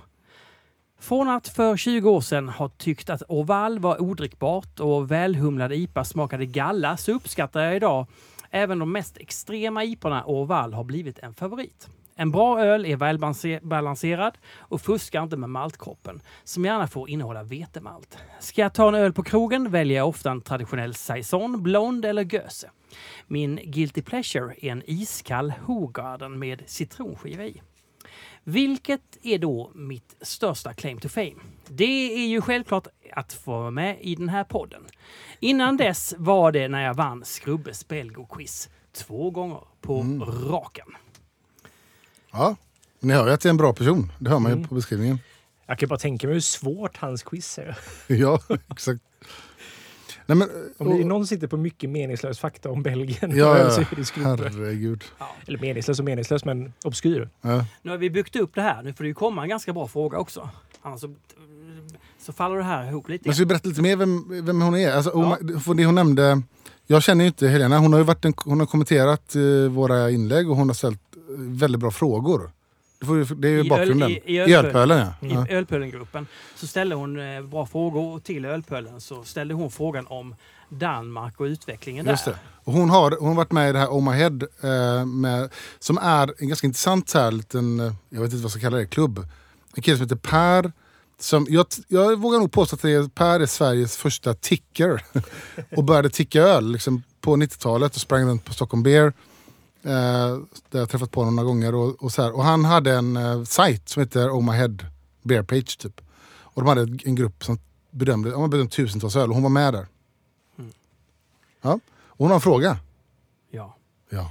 När jag var på besök på Straffe Henrik i Brygge för ett antal år sedan fick jag lära mig att anledningen till att man började brygga belgisk öl så pass stark var att den franska ockupationsmakten förbjudit befolkningen att producera spannmålsbaserad sprit. Detta präglar belgisk ölkultur än idag. I Tyskland har ju lagen om Reinheitsgebot som instiftades på 1500-talet styrt och begränsat den tyska ölkulturen på gott och ont. I modern tid har ju svenska regleringar om procenthalter, skattesatser och vilken öl som får säljas eh, var satt en prägel på hur svensk öl utvecklats. Det är svårt att tänka sig att folkölen skulle blomstra eller, en, eller ens existera om det inte varit för statliga regler. Finns det andra exempel på hur statlig reglering har präglat länders ölkultur? Och Hur tror ni att till exempel gårdsförsäljning skulle påverka den svenska ölkulturen? Jättebra fråga. Bra fråga. Ja. En grej jag har hört angående det här med ehm, beskattning och i, där i Belgien och en anledning till att man gjorde väldigt stark öl är att eh, man beskattades på mäsktunnans bredd i Belgien. Mm. Ehm, att, eh, det var liksom en... Um, desto bredare mäsktunna har, desto mer malt kan ha i, desto mer producerar du och desto mer... Men att man då hade, gjorde, gjorde mäsktunnorna smala och djupa istället. Jag har också hört, hört det. Och det är till exempel en mäsktunna som gör turbid mash man använder i lambic-produktion är ju en väldigt speciell och man har ett väldigt speciellt mäskschema då för att kunna tillgodose och det är ju en teknik man behöver använda just när det är så hög maltbädd i den helt enkelt. Och då tänker jag väl lite så här spontant att det är lite, om man har det så blir det ganska stark vört också. Jag tänker man använder mindre vatten eh, per kilo malt och liknande för man har ont om utrymme och en tjock mäsk och då blir det lite starkare vört helt enkelt. Just det. Ja, Men jag har hört den, det finns massa olika förklaringar. Och Jens Krubbe som du nämnde tidigare, han har ju skrivit lite om det här. Att det finns... Eh, han menar det är svårt att veta vad som stämmer. Det kanske är att allt stämmer lite grann. Därför att, eller först måste man ju bara starta så här, nej en belgisk öl är ju inte bara stark. Det finns en jättevariation inom i belgisk öl och som, som jag sa tidigare en tradition av table beers och sådär. Men det finns dels det Olle eh, för, sa, det är säkert en förklaring. Sen så efter 1913, efter första världskriget menar jag, så kom det ett spritförbud i Belgien.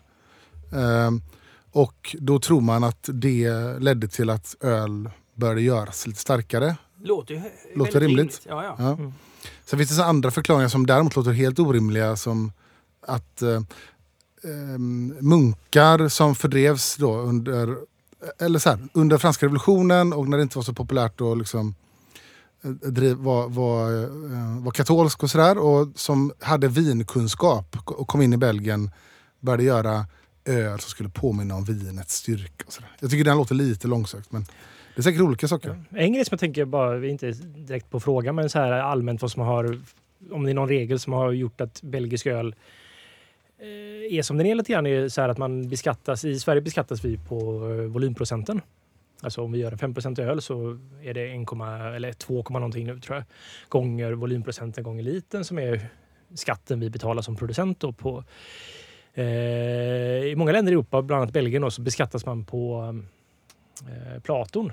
Alltså den poten, potentiella alkoholen man kan få ut av det här sockret. Så då tänker jag att man gärna gör utjäst öl. Sant. Tänker jag att det kan bli en naturlig förklaring till det här. Att det, Det är ju rimligt faktiskt. Ja, eller det, är precis, det känns som en rimlig... Jag har ingenting som bygger det här utan det här är bara en rimligt antagen. Om man beskattas på Platon och att den är 15 Platon, men jag jäser den jättetorr så blir den väldigt blir den starkare om jag jäser en New England-IPA som jag inte alls jäser torrt till exempel. Ja. Så om det är den som jag beskattas på så är liksom... Då vill man kanske ha öl mer utjäst. Mer bang for the buck. Precis. Ja, det kan. Det låter rimligt. Men det är så här, så, jag tror det är så i Italien också bland annat och eh, också gillar belgisk öl väldigt mycket i Italien. Eh, jag vet inte det men jag tror Tjeckien har samma... Därför det alltid står då stamvörtsstyrkan på en tjeckisk öl. Liksom att det är det. Och det är en förklaring till varför Orval då, att de inte var så nogräknade med att den var mycket starkare i det, Sverige än vad just för att de beskattas på Platon och då, den, är ju, den är ju vad den är och sen så hur mycket den ger sig ut då. Just det. Ja. Har Så de, de tyckte det var lite oviktigt helt enkelt. Så att, men om det är en fråga, det kanske är svårt att besvara det här andra länder. För det finns ju hur mycket som, är, som helst exempel på för ölkulturen och politiken har gått så här hand i hand jättemycket. Men hennes slutfråga kanske vi ska prata lite grann om. Ja, en grej jag tänker på med där det landet som har präglats mest av alkoholpolitik som jag kan se idag är ju ändå USA. Där de har ett three tire system Just det. och man har... Det är, ju, Aldrig fattat det där riktigt. det är också det olika i delstat till delstat och sådär men ehm, Eh, det är ju oftast att du inte får producera och sälja... Eller om du ska ha, du måste ha en distributör framför allt. Du får inte sälja alkohol själv utan du måste ha en distributör. Det är för att bryta upp då de stora bolagen så att det fanns andra bolag som så de inte bara ägde hela kedjan och blev alltför dominerande helt enkelt. En reglering. Men det gjorde också att, så här att om du var ett litet bryggeri så var du tvungen att sälja all din öl till en importör för en delstat till exempel. Och då var det bara den distributören som hade det och om den misskötte sig och inte ville att dina öl skulle... De hade en annan som hade liknande öl så kanske de, ja men det här var mycket lättare att sälja, vi tar det istället. Och då blev det att många istället då, men då fick de inte sälja sin egen öl. Men däremot om man har en bryggpub så fick man lov att sälja, men då får du bara lov att sälja ölen där, on premise. Så det har ju skapat hela bryggölskulturen i USA. Och gjort den att den har blivit extra stark där enkelt. Ja, ja. Kanske många som skulle egentligen satsat på ett produktionsbryggeri valde att göra en brewpub för det fanns mer ekonomisk... Ja, det var lättare att göra det. Bra, jag har inte fattat det där.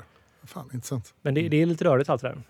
Ja. Och, och det, det hon frågar i slutet är då eh, hur, hur skulle en gårdsförsäljning kunna ändra hur vi ser på öl i Sverige och hur vi förhåller oss till det? Alltså, Ja. Gårdsförsäljning skulle ju innebära väldigt många saker såklart. Mm. De flesta bryggerier är oroliga för att TSLS, eh, försäljningen på Systembolaget, skulle försvinna, och vilket är deras födkrok, många, många av dem.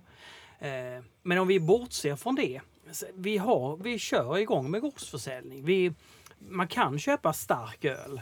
Eh, Ja. Vad det kan du leda till? Det är en jättebra fråga. Jag, jag, Helena hade väl också lite ett eget svar på det, eller? Ja, det är väl klart att Helena har, har, har svaret på sin egen fråga. Eller? Ställa en så bra fråga. Det är klart att hon bara levererar. Jo, ska jag läsa det? Mm.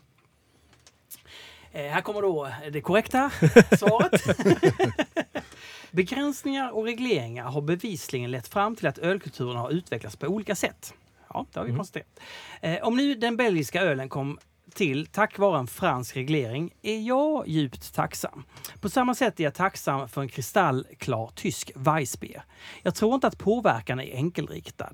Förändringar i ölvärlden kan påverka regleringarna. Ett aktuellt exempel är ju att känsliga IPO har fått det statliga Systembolaget att sälja kyld öl. Det hade jag aldrig trott på 90-talet. Ja, men alltså, det är ju en väldigt ny grej och jag skulle Ja. inte säga att jag, det, är, det är en rejäl förändring som har faktiskt skett. Nej, men jag säger ölstudion är bara början. De kommer att sälja kyld eh, Mm. IPA. Vi kan hoppas. Jajamän, jajamän. Och, otroligt att vi sitter och pratar om det. Jag blir nästan provocerad. Att vi, så här, Åh, vi kan få kyld öl. Fan vad öststat vi är. fortsätter. Ja. Ja, Den stora re regleringsfrågan som svävar över den svenska ölbranschen just nu är ju hur tillåtande en gårdsförsäljning skulle påverka ölbranschen och vilka öl som bryggs i Sverige. Om jag fick sia skulle jag tro att det vi skulle få se eh, är ett ökat antal souveniröl i små batcher av samma typ som man kan stöta på på kontinenten, vilket kan ge bryggarna större frihet. Om kunderna kommer att börja handla direkt från sin lokala bryggare kanske det kommer att byggas en starkare relation mellan bryggerierna och lokalsamhället. När det gäller större volymer tror jag att Systembolaget kommer att fortsätta att vara den huvudsakliga inköpsplatsen för öl. Det är svårt att konkurrera med utbudet och servicen som erbjuds och det är endast en minoritet av svenskarna som bor i närheten av ett bryggeri. Det är... Det är bra poäng. Men, och, och jag tycker det är väldigt intressant det där de sa, det här kopplingen, bandet mellan bryggeri och konsument. Och jag tänker så här, ja, men hela, hela Tyskland och hur det fungerar, att du har ett lokalt bryggeri där du kan gå och handla din öl. Ehm, hade det blivit lite mer så här, det är klart att det hade påverkat en massa saker. Det hade påverkat ehm, import, eller det svenska ölet, svenskproducerade ölet hade ju blivit större tror jag. Mm. Med gårdsförsäljning. Ja. Ja, det här skulle ju, gårdsförsäljning skulle ju ge producenter en möjlighet att tjäna pengar på ett annat sätt. Vilket ökar deras kreativa frihet lite grann. Så jag tror att man skulle nog se att mer eh, alltså att, eh, att många bryggerier skulle bli som att säga men vi nischar oss lite mer till den här typen av produkter. Att man hittar sitt egna språk i system. Man kan ju inte bortse från Systembolaget i det här för att det är den som dikterar vad som vill ha eller på marknaden. Eller det ska ju vara konsumenter, Ja. men de är en form av mellanhand där. Liksom. Och där blir det ofta någon form av loop kan jag tycka. Det känns som att man hamnar i att det liksom en, blir en enkel likriktighet bland allting och det individuella uttrycket tas bort lite grann. För det är ju väldigt intresserade personer som driver bryggerier i största, alltså nästan uteslutande liksom att de är jättepassionerade. Och de måste ju anpassa sig för vad de kan sälja på bolaget och det är vad bolaget offererar. Mm. Helt enkelt. Och jag tror många bryggerier kanske skulle skippa lite grann bolaget om de vet att de kan sälja utifrån sitt eget bryggeri och kanske göra lite mer efter sitt egna hjärta. Liksom. Ja, precis. Så jag tror eh, man skulle se en lite mer bredare portfölj bland bryggerier i Sverige. Det tror jag med. Det tror inte jag. Tror du inte det? Ja, nej, men jag, jag, tror, jag tror man kan resonera på det sättet och det kan ligga någonting i det. Det kan också vara den här saken att man får upp något. Säg, säg, säg att Systembolaget bestämmer sig. Vi vill ha Rauschbier här. Vad är det för sjuk fråga? Jo, men vi vill ha upp det och vi vill displaya det i våra butiker där folk går och väljer öl. No, ganska många kommer att, ta den här Rauschbieren bara för att den står. Det är alltså en displayplats som säljer öl i sig själv.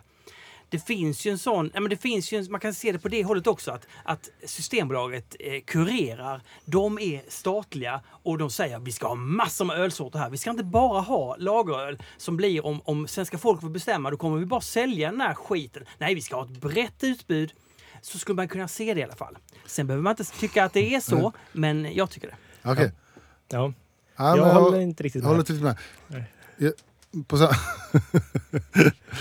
men en, en, så här, det är bara en, en, det är en sidospår, men ibland så när man pratar om gårdsförsäljning så, så kommer det upp som ett motargument. Så här, men det skulle spåra ut. Det skulle vara så här att eh, eh, de spände upp så Carlsberg och Åbro de skulle stå och sälja eh, stora liksom, flak med öl till kids eller till, eller till folk som får köpa öl. Men det skulle bli helt fel. Det skulle bli lågpris och sådär. Men grejen är så här, återigen, vi har ju under 200 år bara matats med massa jävla regleringar. Om man nu inför gårdsförsäljning så kan man också säga så här. Man får köpa max eh, 10 öl per person. Ja. Alltså, de svenska bryggerierna efterfrågar ju inte att de ska stå och mata ut en bi- fylla en bil med, med öl. Det är ju inte det det handlar om. Absolut. Det går ju att sätta den typen ja, av regler. jag, jag, jag, jag ty- tycker att gårdsförsäljning hade varit det charmigaste någonsin. Och när vi var och träffade Björn Falkenström på Hoppegård så han säger jag har rundvisning och så kan de inte ta med sig öl hem. De kan inte köpa, de, de får se alltihopa, de kan köpa lite merch i allt vad de kan göra. Ja, det är ju bisarrt. Det, Ja. är det. är ju en jättekonstig... Ja. Konstruktion. Men det jag säger är det jag menar att jag tror att vi skulle få lite mer diversifierat, divis, vad säger man? Diversifierat. diversifierat utbud av öl. Mm. Jag, det är mest på att man skulle få ekonomi i vissa Ja. ölstilar man inte skulle få ekonomi. Jag skulle inte säga att de storsäljande ölen kanske inte det kommer inte bli någon större skillnad där egentligen om vad som är volymförsäljningen. Men det skulle fortfarande kanske göras lite mer ölstilar och det skulle också ge dem möjlighet att få lov att finnas, vilket är lite svårt idag. Mm. Helt enkelt. För du kan som bryggeri, även om, om du syns på Systembolaget så är inte det en speciellt bra kanal för att sälja in en öl till någon. Om jag kan förklara att den här ölen brinner vi för. Vi tycker det här och det här och det här. Vi kan sälja in ölen på ett annat sätt. Det är ju en jätteviktig as- aspekt av öl. Alltså, den, finns, ja, ja. Den, har ju inte vi i Sverige idag förutom Nej, på krogar. Du vill, träffa, du vill träffa kunden och prata med kunden. jag kan ju egentligen. inte riktigt få Nej, lov att det. uttrycka min... Nej, inte på Systembolaget. Nej, det, det, det är ju med etiketten och med... Ja. Hörni, ska vi... Jag måste ta ett samtal bara. Olle tar ett samtal och eh, vi ska bestämma nästa månads öl. Ja, jag gav ju oss en uppgift eh, för några dagar sedan. Och uppgiften grundade sig att ibland, jag och Olle har ibland snackat om att, att eh, när man går ut och dricker öl så är det så mycket saker man saknar så här på fat. Och det, det förstår man ju. Alla krogar kan ju inte liksom ha det man själv tycker om för det skulle de gå i konkurs. Jag höll på att säga ingen skulle köpa det. Men det var så här, tänk om vi skulle skapa nu så här, vad vi kallar för 15 dream taps. Att vi bygger upp vår egna bar. Det kan vara att vi ska driva en bar själva och vad är det för 15 öl vi skulle haft på fat? Och man får resonera hur man vill. Eh, vill man tänka så här vad folk vill ha eller tänker man bara vad jag älskar? Eller? Det var frågan egentligen. Och så får man motivera sitt val lite grann. Hur skulle den baren sett ut? Och vad skulle den ha för öl? Och så Ska jag börja eller? Ja, du kan börja. Min, vi, vi tänker oss att barn ska vara här i Göteborg.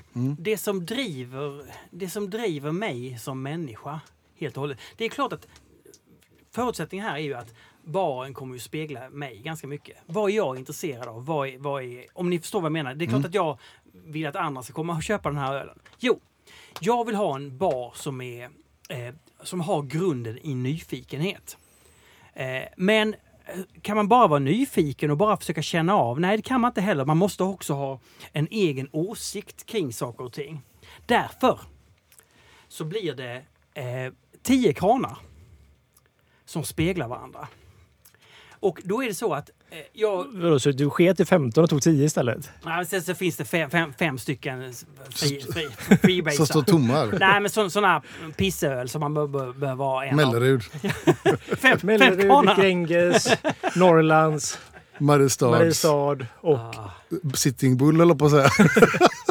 Nej, men jag tänker så här. Jag, mycket, mycket enkelt så drar jag igenom det här. Då, Ja. då är det så att jag- man ska kurera urvalet hela tiden. Verkligen. Man har en kran som heter världens bästa ne- nejpa. Man har, bredvid har man Sveriges bästa nejpa.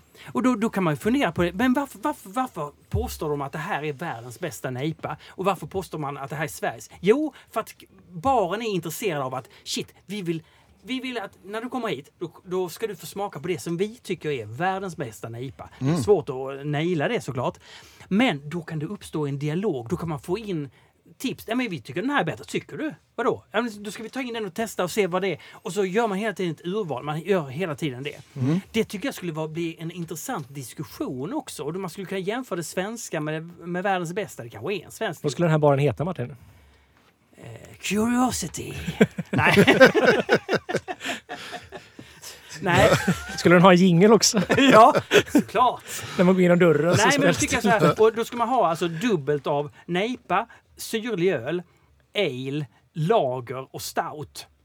Ja. Eh, det är de. Och sen så får man ha så tar man bara in världens bästa rököl, Hälsinge rökpor, rököl. Då tar man, har man den på en kran. Va? Man har världens bästa porter. Eh, Vad är det då? ja, eh, Hedemora porter tror jag från Uppgårds. Ja. Eh, jag, jag vet fan, jag, det, det, det är väl svårt det där. Men jag, eh, sen världens bästa IPA som inte är en IPA, det är någon besk rackare, någon besk jävel. Det, det, kan inte jag. Ja, Det är kanske den här Evergreen. Nej. Nej. Eh, så världens bästa öl, veteöl och världens bästa saison. En, bara en saisonkran. Ah, okay. De ja, port, ja, va? ja. Nej, och sådär. Så att, inga konstigheter egentligen. Utan det, det är själva min tankedel. Att man, man, smart. påstår, man påstår någonting och då kan man också få en dialog. Och, och dessutom ska baren i sig vara intresserad. Vi sitter inte på svaren. Vi tycker någonting och vi lär oss någonting av det. Mm, okej. Det Kan man är ligga min- och dricka dem i så Freud-divaner också? Liksom. Absolut Freud! Med en egen kypare som man sitter och lyssnar på ens tankar Ja, och så åsikter. Freud-citat på, på, på väggarna. Ja. Men, nu, Det hade jag gillat. Ja, men det vet ju Freud. Att Freud eh, ändrade ju sig hela tiden. Han, Mm. han sa saker i början som han trodde på. Sen, sen uppdaterade han sig hela tiden. Mm. Mot slutet, så var, den här penisavunden jobbade han ju inte så mycket med på slutet. Det var någonting han började med. Sen, så, sen reviderade han sig. Men det är ju lätt att man fastnar. Han tyckte en enda sak. Nej, Ja, men se på det Martin, du började bara tycka om humleöl och nu sitter du här och dricker maltöl liksom. alltså, jag, ha, jag hatar humlig öl. Jag hatar det! Ja. Så det är min öl. Ja, bra. Ja. bra. Ja, jag då. Mm. Jag har mer utgått från vad jag tycker är gott. Ja. Eh, och skulle bara vilja dricka själv om jag kom till en bar. Jag hade blivit väldigt nöjd om jag hade den här... Jag hade haft väldigt, väldigt svårt att välja helt Ja, enkelt. vad gott. och många av de här är ju liksom öl som jag vid en gång i tid i mitt liv drack väldigt, väldigt mycket av. Eller Ja. att jag bara tyckte om väldigt mycket och att det var så här. Men eh, jag skulle ha Deranke XX Bitter. Jag Mm. tycker det är... Eh, det var den eller De La Centrals Bulba. Och jag tycker Deranke XX Bitter är godare. Den är en fantastiskt god öl helt enkelt bara. Mm. Bra. Ja. Precis. Sen så skrev jag Gerdan Gös. Mm. Den finns ju inte på fat direkt. Eller Men vi, vi kan ändå fantisera att han kan lägga det på fat. Ja, eh, nu kan man inte ens köpa det här i Sverige och man måste ha en ganska lång relation med den här familjen för att få, köpa. familjen Ola har, han har öppnat en bar. Vi lägger det på fat nu. Han vill ha. Vi, vi gör fatar bara till honom. Men om vi åker ner och tjatar några år så kan jag till slut så en massa. Jag skrev Cantillon Gös också. Jag vill ha en gös Ja, helt det är enkelt. Det är Ja. någonting som jag... Om det är en sur eller verkligen gillar att dricka så är det en gös helt enkelt. Ja. Eh, Saison du Pont. Mm. Måste vara det. Exis Bitter och Saison är ju kanske fyller samma... Ja, men förstår. Men jag vill fortfarande ha båda två. Det är väl den, de enda två på den här listan som jag känner är som att jag kan inte skippa någon av dem, men de Nej. är fortfarande ganska lika på något sätt. Så. Jag också, jag, alltså. ja. Ja, ja. Sen så har jag Ströjse pannepott. Ah, Eh, jag tycker det är väldigt gott med mörka belgare. Och den är ju en mörk belgare med kryddor i. En vinteröl och när den, är, den varierar lite grann, men när den är bra och färsk så tycker jag den är jättebra. Ja. Faktiskt. Den är... eh, Så du har fyra belgare än så länge? Ja, och jag, jag har... eh, Nu var det Belgien-biten då. Jag har Ah, faktiskt delat upp okej. listan i Eh, Belgien land. här. Så nu kommer ett annat land. Eller en ögrupp rättare sagt. Ja. Så kommer Storbritannien. Så där är Timothy Taylors Landlord. Ja. Eh, som, jag vet inte, den är ju bara den perfekta pale ale, eller bitten liksom. Kask då liksom? Ja. Eller? Helst kask. Ja. Jag kan ta den på fat också faktiskt. Men eh, Men om du kan få den på kask så ta ja, det. jättegärna kask. Mm. Samma sak med nästa, det är Full London Porter. Det är Ja. min öde öl. Är, Ja. Jag har inte haft mitt ölintresse utan den. Så att eh, den är också bättre på kask. Mm. Sen har jag The Colonel Export India Porter. Nej men skämtar du eller? Fan. Jag var lite rädd för att vi skulle ha. Ja, vi har några lika. Alltså. Shit. Men den har ju funnits i massa olika versioner. Men Ja. för mig var den så här, den är ju humlig och den är väl bryggt på ett recept som skulle vara ett gammalt Ja, det är en gammal porterrecept. Barkley-recept. Ja. Men med, moder- med en IPA-humlad typ. Precis, och den är jättegod i alla olika versioner. Så finns det en dubbel India Porter som också är jättegod. Men och vilken av de här än det är skulle funka för mig. Jag är Ja. inte så Skulle man inte kunna ta Kernels hela range och bara lassa på 15 kranar? Ja, men de är så sjukt bra på Porter Stout. Alltså. Ja, framförallt är det så. Mm. Ja. Den är ett uttryckssätt med det också ska jag säga. Liksom, Aha. verkligen. Ja. Mm. Sen har jag Fyne Ales Jarl. Den vill jag också gärna ha på uh, kask. Vad är det för Vilken, vilken är det? Det är, alltså den dricker jag, uh, Marquesiete Venuti Affa. Ja. Marquis Rom har Mm. alltid den. Det är ett skotskt bryggeri som är ganska nytt ändå, men det är en, en, sån, det är en citrahumlad Golden Ale som bara är fantastisk att dricka. Och så Ja. har de den nästan alltid på, eh, de får den, de specialleveranser dit. Ah, liksom. okej. Så de har den på kask där på. Ja, grymt. Och det är, ja, det är så gott så det är... Ja, det är liksom bara så här... Ja, men skotsk ale Brittisk, ja. eh, som kask är Och så-. Skottarna är ju duktiga på Golden Ale. De, så här, det är liksom... Den är, vad är det? Jag skrev upp alla 3,8 procent också. Mm. Jätte, jättegott. Sen har jag, går vi över till USA. Eh, där har vi Three Floyds Alpha King. Mm. Skulle jag vilja ha. Som, är det? eh, det? är en, det är en pale ale, men den är 6,66 procent. för att såklart. Barnaby jobbade där förr i tiden. De gillar djävulen. Det gör de väldigt mycket faktiskt. Mm. Ehm, nej men den är en, eh, för mig är den så här, den är jättefint humlad med ganska klassiska. För mig det är Cascade i den och kanske Amarillo.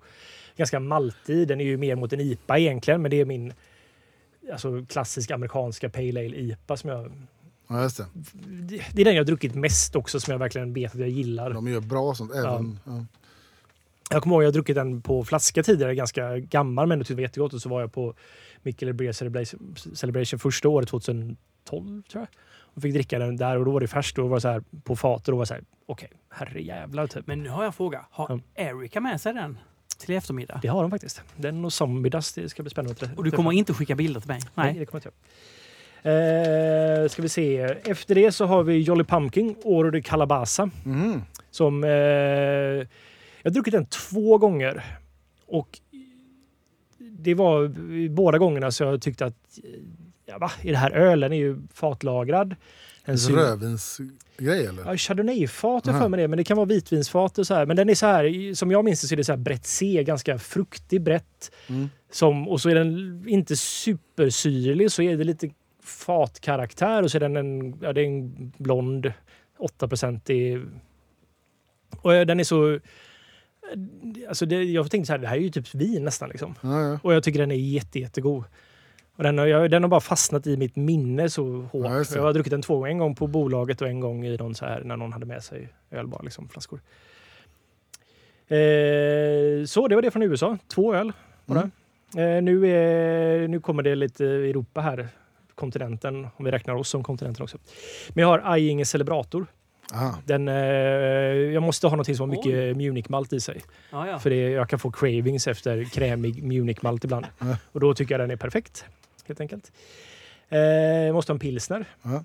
Då blir det Tippopils. Mm. Det är, ja, Håller med. det är, ja, jag behöver inte motivera egentligen. Man behöver en pilsner. Sen så hade jag, jag var väldigt svårt. Jag ville ha en Imperial Stout. Jag hade massa öl jag fick stryka från listan och sådär. Som jag så här, och Imperial Stout är inte min favoritölstil. Jag tycker det är väldigt gott, men det är väldigt sällan jag riktigt så här cravar en Imperial Stout. Men en av dem för, mm, vad är det, tio år sedan mer liksom så, som jag verkligen tyckte om varje gång jag såg det, som är så här ganska lättdrucken 9 Imperial Stout. Det är Nögnö Imperial Stout. Ja, ja. Den är bara fint rostad och bara så här balans och inte så vansinnigt kraftig och ingen... Den är bara så här, de har bra vatten för Okej. stout också. Traditionell men ändå så här, jag tror de har säkert den också för den har en viss krämighet och sådär. Men jag har inte druckit den på jättelänge. Den är väl kanske det mest jag är mest osäker på på den här listan. Ja, jag fattar. Ja. Mm. Men jag hade inget bättre alternativ och den... Jag blev alltid så glad när jag såg den förr i tiden. Ja, Så att jag, mm. ja. Sen har vi Mikkeller American Dream Aha. som eh, jag har druckit så enormt mycket Mikkeller American Dream. När den var som bäst så fan vad bra den var. Alltså en välhumlad modern lager. Jag har aldrig druckit en så bra modern lager som American Dream när den var som bäst. Känns som den, den har gjort väldigt mycket det ölet. Alltså. Ja, jag tror det. Den, var, den var riktigt bra. Den kanske är bra fortfarande. Jag har inte länge sedan drack den. Sen behöver vi sist som sista öl en New England-IPA. Ja. Och då tar jag faktiskt Barngatan. Ah! Ja. för det, alltså jag gör ju öl för min egna skull och den är precis så som jag vill ha den. Ja, bra. Den är lite besk. Eh, Citra, Simcoe, eh, Citras Mosaik och Nelson är en väldigt, väldigt bra kombination. Mm. Och humle, jag gör det med pilsnermalt, vilket jag tycker gör att den blir mindre jolmig. Den blir lite så här enklare på ett sätt. Den är 7% vilket är bra, men jag skulle säga att den är lite torrare också än våra andra New England som men ändå alkoholer som väger upp med sötma. Så den, den blir min... Det var den eller Narangi, men jag tar faktiskt Barngatan. Ja, jag förstår det. Men det, ja, det är rimligt att ha något eget öl också Ja. faktiskt. Sen så kan jag bara säga, jag har en massa bubblare här som jag Ja. hade med på listan vid något tillfälle men strök när jag Ja. gjorde det här. Ja. Aventinus har jag med från Schneider. ja, just det. Tycker jag är väldigt, väldigt upp. Jag hade med Arabir som vi pratade om tidigare också. Mm. Eh, Jag hade med Port Brewing eh, Mongo Dipa. Inte Eh, jag tyckte den var, alltså när jag fick prova den, jag vet inte om jag skulle tycka den var lika bra idag, men den kom på så här bomberflaska och den var så extremt humlad. Jag kommer ihåg när jag drack Pliny första gången. Då hade jag också druckit Mongo och det var som att så här, den här är ju ingenting jämfört med den här. Liksom. Ja. Så att jag, om jag skulle ha haft en dubbel, nu har jag ingen dubbel-IPA på listan, men den hade jag nog tagit i alla fall. Ja. Eh, Arthur från Hill Farmstead Mm. hade jag haft med, eh, med, en, med en stund. Det är en extremt bra öl. Jag har aldrig sett den på fat i dock. Jag vet inte Nej. det. Inte. Hade med Pivot Pills faktiskt. Men eh, jag föredrar faktiskt Tipo Pills. Ja. Speedway Stout hade jag som alternativ till. Eh, men eh, äh, det blev Nögnö istället. Ja. Örebro Bitter var med. Ölfabriken Porter var med en stund också. Mm. Och så hade jag Beer Here Dead Cat. Inte druckit. Som jag nästan vill... Ja, synd att inte den får vara med. Men den är eh, en bra eh, Red Ale Simcoe. Ja. Jättegod. Låg alkohol, under 5 procent. Okej, Bra. Kommer, kommer facit här nu då med Nej, men Fredrik? vi hade några samma där faktiskt. Eh, Och några... Jag tänkte så här. Eh, baren är ju här på Ringen då. Mm, ah, Göteborg, Ringen. Ringen och det är på en husbåt här ute. Åh, det är Oh. här precis utanför då alltså. Ja, Ja. ja den kan vi säga. Och så, Ja.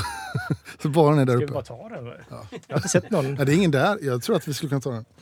Eh, och då tänker jag så här. Grotesco-sketchen när han öppnar upp ett arbetarfik hemma hos några. Vi öppnar en ölbar. Ja, på den. Det kan då stå, vad kan det vara, 30 pers där va? Ja. Totalt, eller? På utsidan och så. Jag tänkte så här att eh, dels eh, är det öl som såklart jag älskar och eh, som har betytt mycket för mig. Det är öl som täcker in lite olika stilar. Det är öl som, jag tänkte så här, när det är öl, jag kan ibland så bli så otroligt sentimental av viss öl. Alltså så här glad, alltså att jag nästan börjar gråta när jag tänker på det. För att det är så, det är så bra och det är så fint. Och så, här. så jag tänkte så här, alla de här ölen skulle jag nästan, om jag skulle presentera de här ölen, så skulle jag nästan kunna fälla en tår. Förstår ni? Åh, tänk, vil- vilken, vilken, vilken usp ändå. När, när du får den här serverad Den gråtande bartendern. Ja, ja. Ja. Eh, Någon kom in och var det för stor stark? Två tårar. och faktum är, vi börjar, jag har en stor, som jag, som jag kallar lite stor stark. Det är faktiskt en stor stark och det är, det enda, det är ett öl som jag tycker är jättebra men det ölet som jag har som har mer en liten... eh, det är inte bara med för att det, det är med av lite andra anledningar att det är gott. Jag har en stor stark, vi är i Göteborg, jag vill ha ett lokalt öl. Jag vill ha Göteborgs stadsöl. Vill jag. Och det är, Pripps blå. nej, inte längre då, det är Måsen. Ah, Måsen är en bra symbol för Göteborg. Det är det mest göteborgska ölet tänker jag. Ja, Så det blir en stor stark då? Alltså. Ja, det, det är den stora starken. Så kommer folk och säger ja, en bärs, då får de måsen. mm. Ja. Rimligt. Ehm, sen övrigt som inom då Pale Ale IPA. Pliny the Elder har jag, dubbel-IPA. Jag tycker den är väldigt fin och den är rolig att prata om och den är klassisk på det sättet. Ehm, sen har jag lite mer sådär eh, ale som är kanske lite mer drickbar, lite hinkabilitetsöl. Det är Taras Bulba de la Seine, det som du var inne lite grann på. Den en svagare belgisk ale som är svin, bara god att dricka liksom. Jag har London Pride på, på Cask. Hade du, du hade London Pride? Nej, jag hade Porter. eh, Blondon, Blondon Porter. Ja. Och så har jag också ytterligare, jag har två Cask, jag har ytterligare en Cask. Det är också en skotte med Broughton Ales Old Jock på Cask. Så jag har två Cask då. En London Pride och Broughton Ales. Sen har jag surt, då har jag två, två saker faktiskt. Jag bara tvekar, är det lite mycket kanske? att ha två av 15? Lite mycket tycker jag nog, men jag har svårt att välja bort. Jag har Sheridan Black Label, det som Ola hade också. Så har jag en fruktsurisk Cantillon Fufu har jag som Mm. suröl. Ja, men två surus är väl rimligt? Sen har jag faktiskt två Saison. ja, och jag- för att jag inte kunde. Det är också Sa- Saison de Pont, det har vi alla tre nu då. Ja. Och Fantom, de två har jag. De kompletterar varandra fast eh, samma kultur. jag har något väldigt lätt och somrigt som folk ska få när det är supervarmt och som jag tycker är världens bästa så här, eh, vittbier, Allagash White. En Bra val. vitt bier alltså. Ja. Det var sjukt. fan, den hade jag... Den var med som bubblare, men den var inte med på listan nu. Ja, så har jag en eh, Barley och eh, alltså en stark ale, amerikansk ale Barley. Som, och då tycker de som är bäst på det tycker jag är Hair of the Dogs, Hair of the Dog Fred. Sen har jag, på fat. nej, jag vet, men jag- låt oss säga att den finns på fat. då. Sen så har jag två Porter Stout. Vi har, jag har faktiskt valt en svensk öl till. Kaggen Stormaktsporter. Ibland lägger de den. Det finns på fat ibland. Mm. Eh, den kan man, det är ju liksom stolthet och man kan prata om den. Och så. Och sen hade jag också The Colonel Export India Porter. Den är sjuk idag. Ja, Det tycker jag faktiskt. den är sjuk för att den är, det är inte jättestort öl. Liksom. Nej, verkligen inte. Två lager har jag. Hälsinge Pilsner, för att jag vill ha något svenskt. Jag var också inne på um, Tipo Tipo. Men jag tänkte kanske en självrunnen Hälsinge Pilsner. Och sen en rököl, special, världens bästa rököl, Mm. special Rauchbier. Det var min lista. Mm. Ja, det, det, alltså, jag tror ju att det här att ni, ni väljer era absoluta favoriter eh, och att man gör det, det gör ju baren intressant i sig. Alltså att, att någon har kurerat det här urvalet, inte som det är nu när man går ut på nästan vilken bar som helst. Då har man ju tagit mer, det, för det är ju svårt att göra på det här sättet Ja. såklart. Mm. Jag kan säga att jag valde bort Barley Wine från den listan. Ja, Men det är för att jag hellre dricker en flaska. ja jag förstår. Jag började också tänka så här, ska man ha ett flaskölsortiment? Men det var inte det frågan var. Nej, Men jag, jag, jag, jag tog det för givet att det finns Barley Wine på flaska på det här stället. Sen hade jag också lite bubblar. Det var också Fullers London Porter. Det var Bells Expedition Stout. North, Och Expedition Stout, den hade jag fan kunnat ta med egentligen Ja. för Nögne. North Coast eh. Rasputin hade jag med. Alaskan Smoked Porter. Three Floyd Zombie Dust hade jag faktiskt med Ja. som ett eventuellt istället för måsen. Men Ah. måsen blir stor stark. Liksom. Ja, men det, är, det är överhuvudtaget intressant att tänka sig, alltså vad är en bar? Olle, du pratar ju jättemycket om att en bar, man samlas där för att snacka om saker. Man, man, man, det är en social plats egentligen. Det ska vara ett annat ett till vardagsrum. Man ska tycka att det är Ja. mysigt att vara där. Liksom.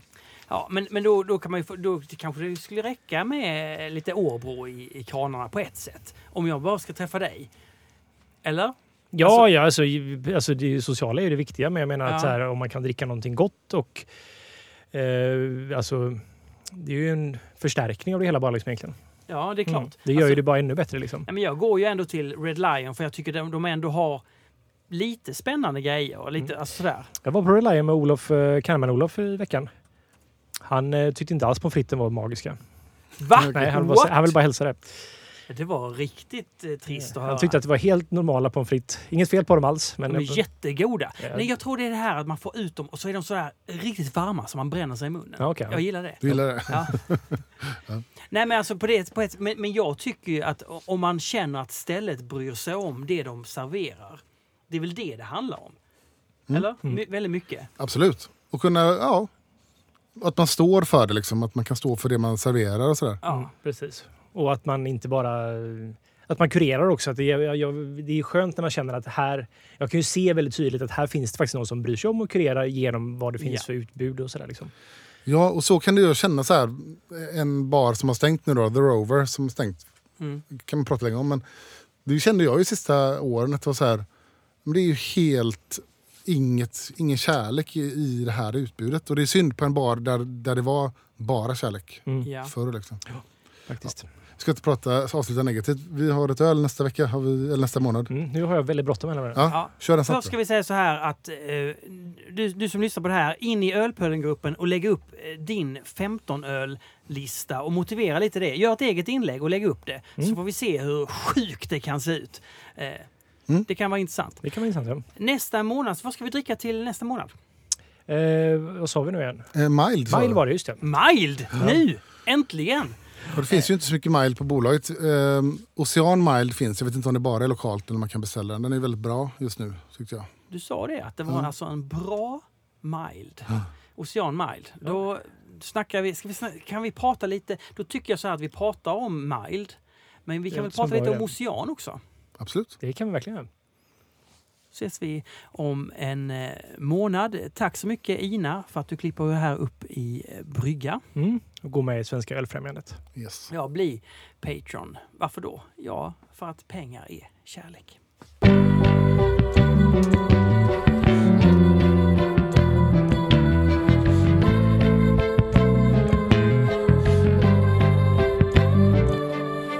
And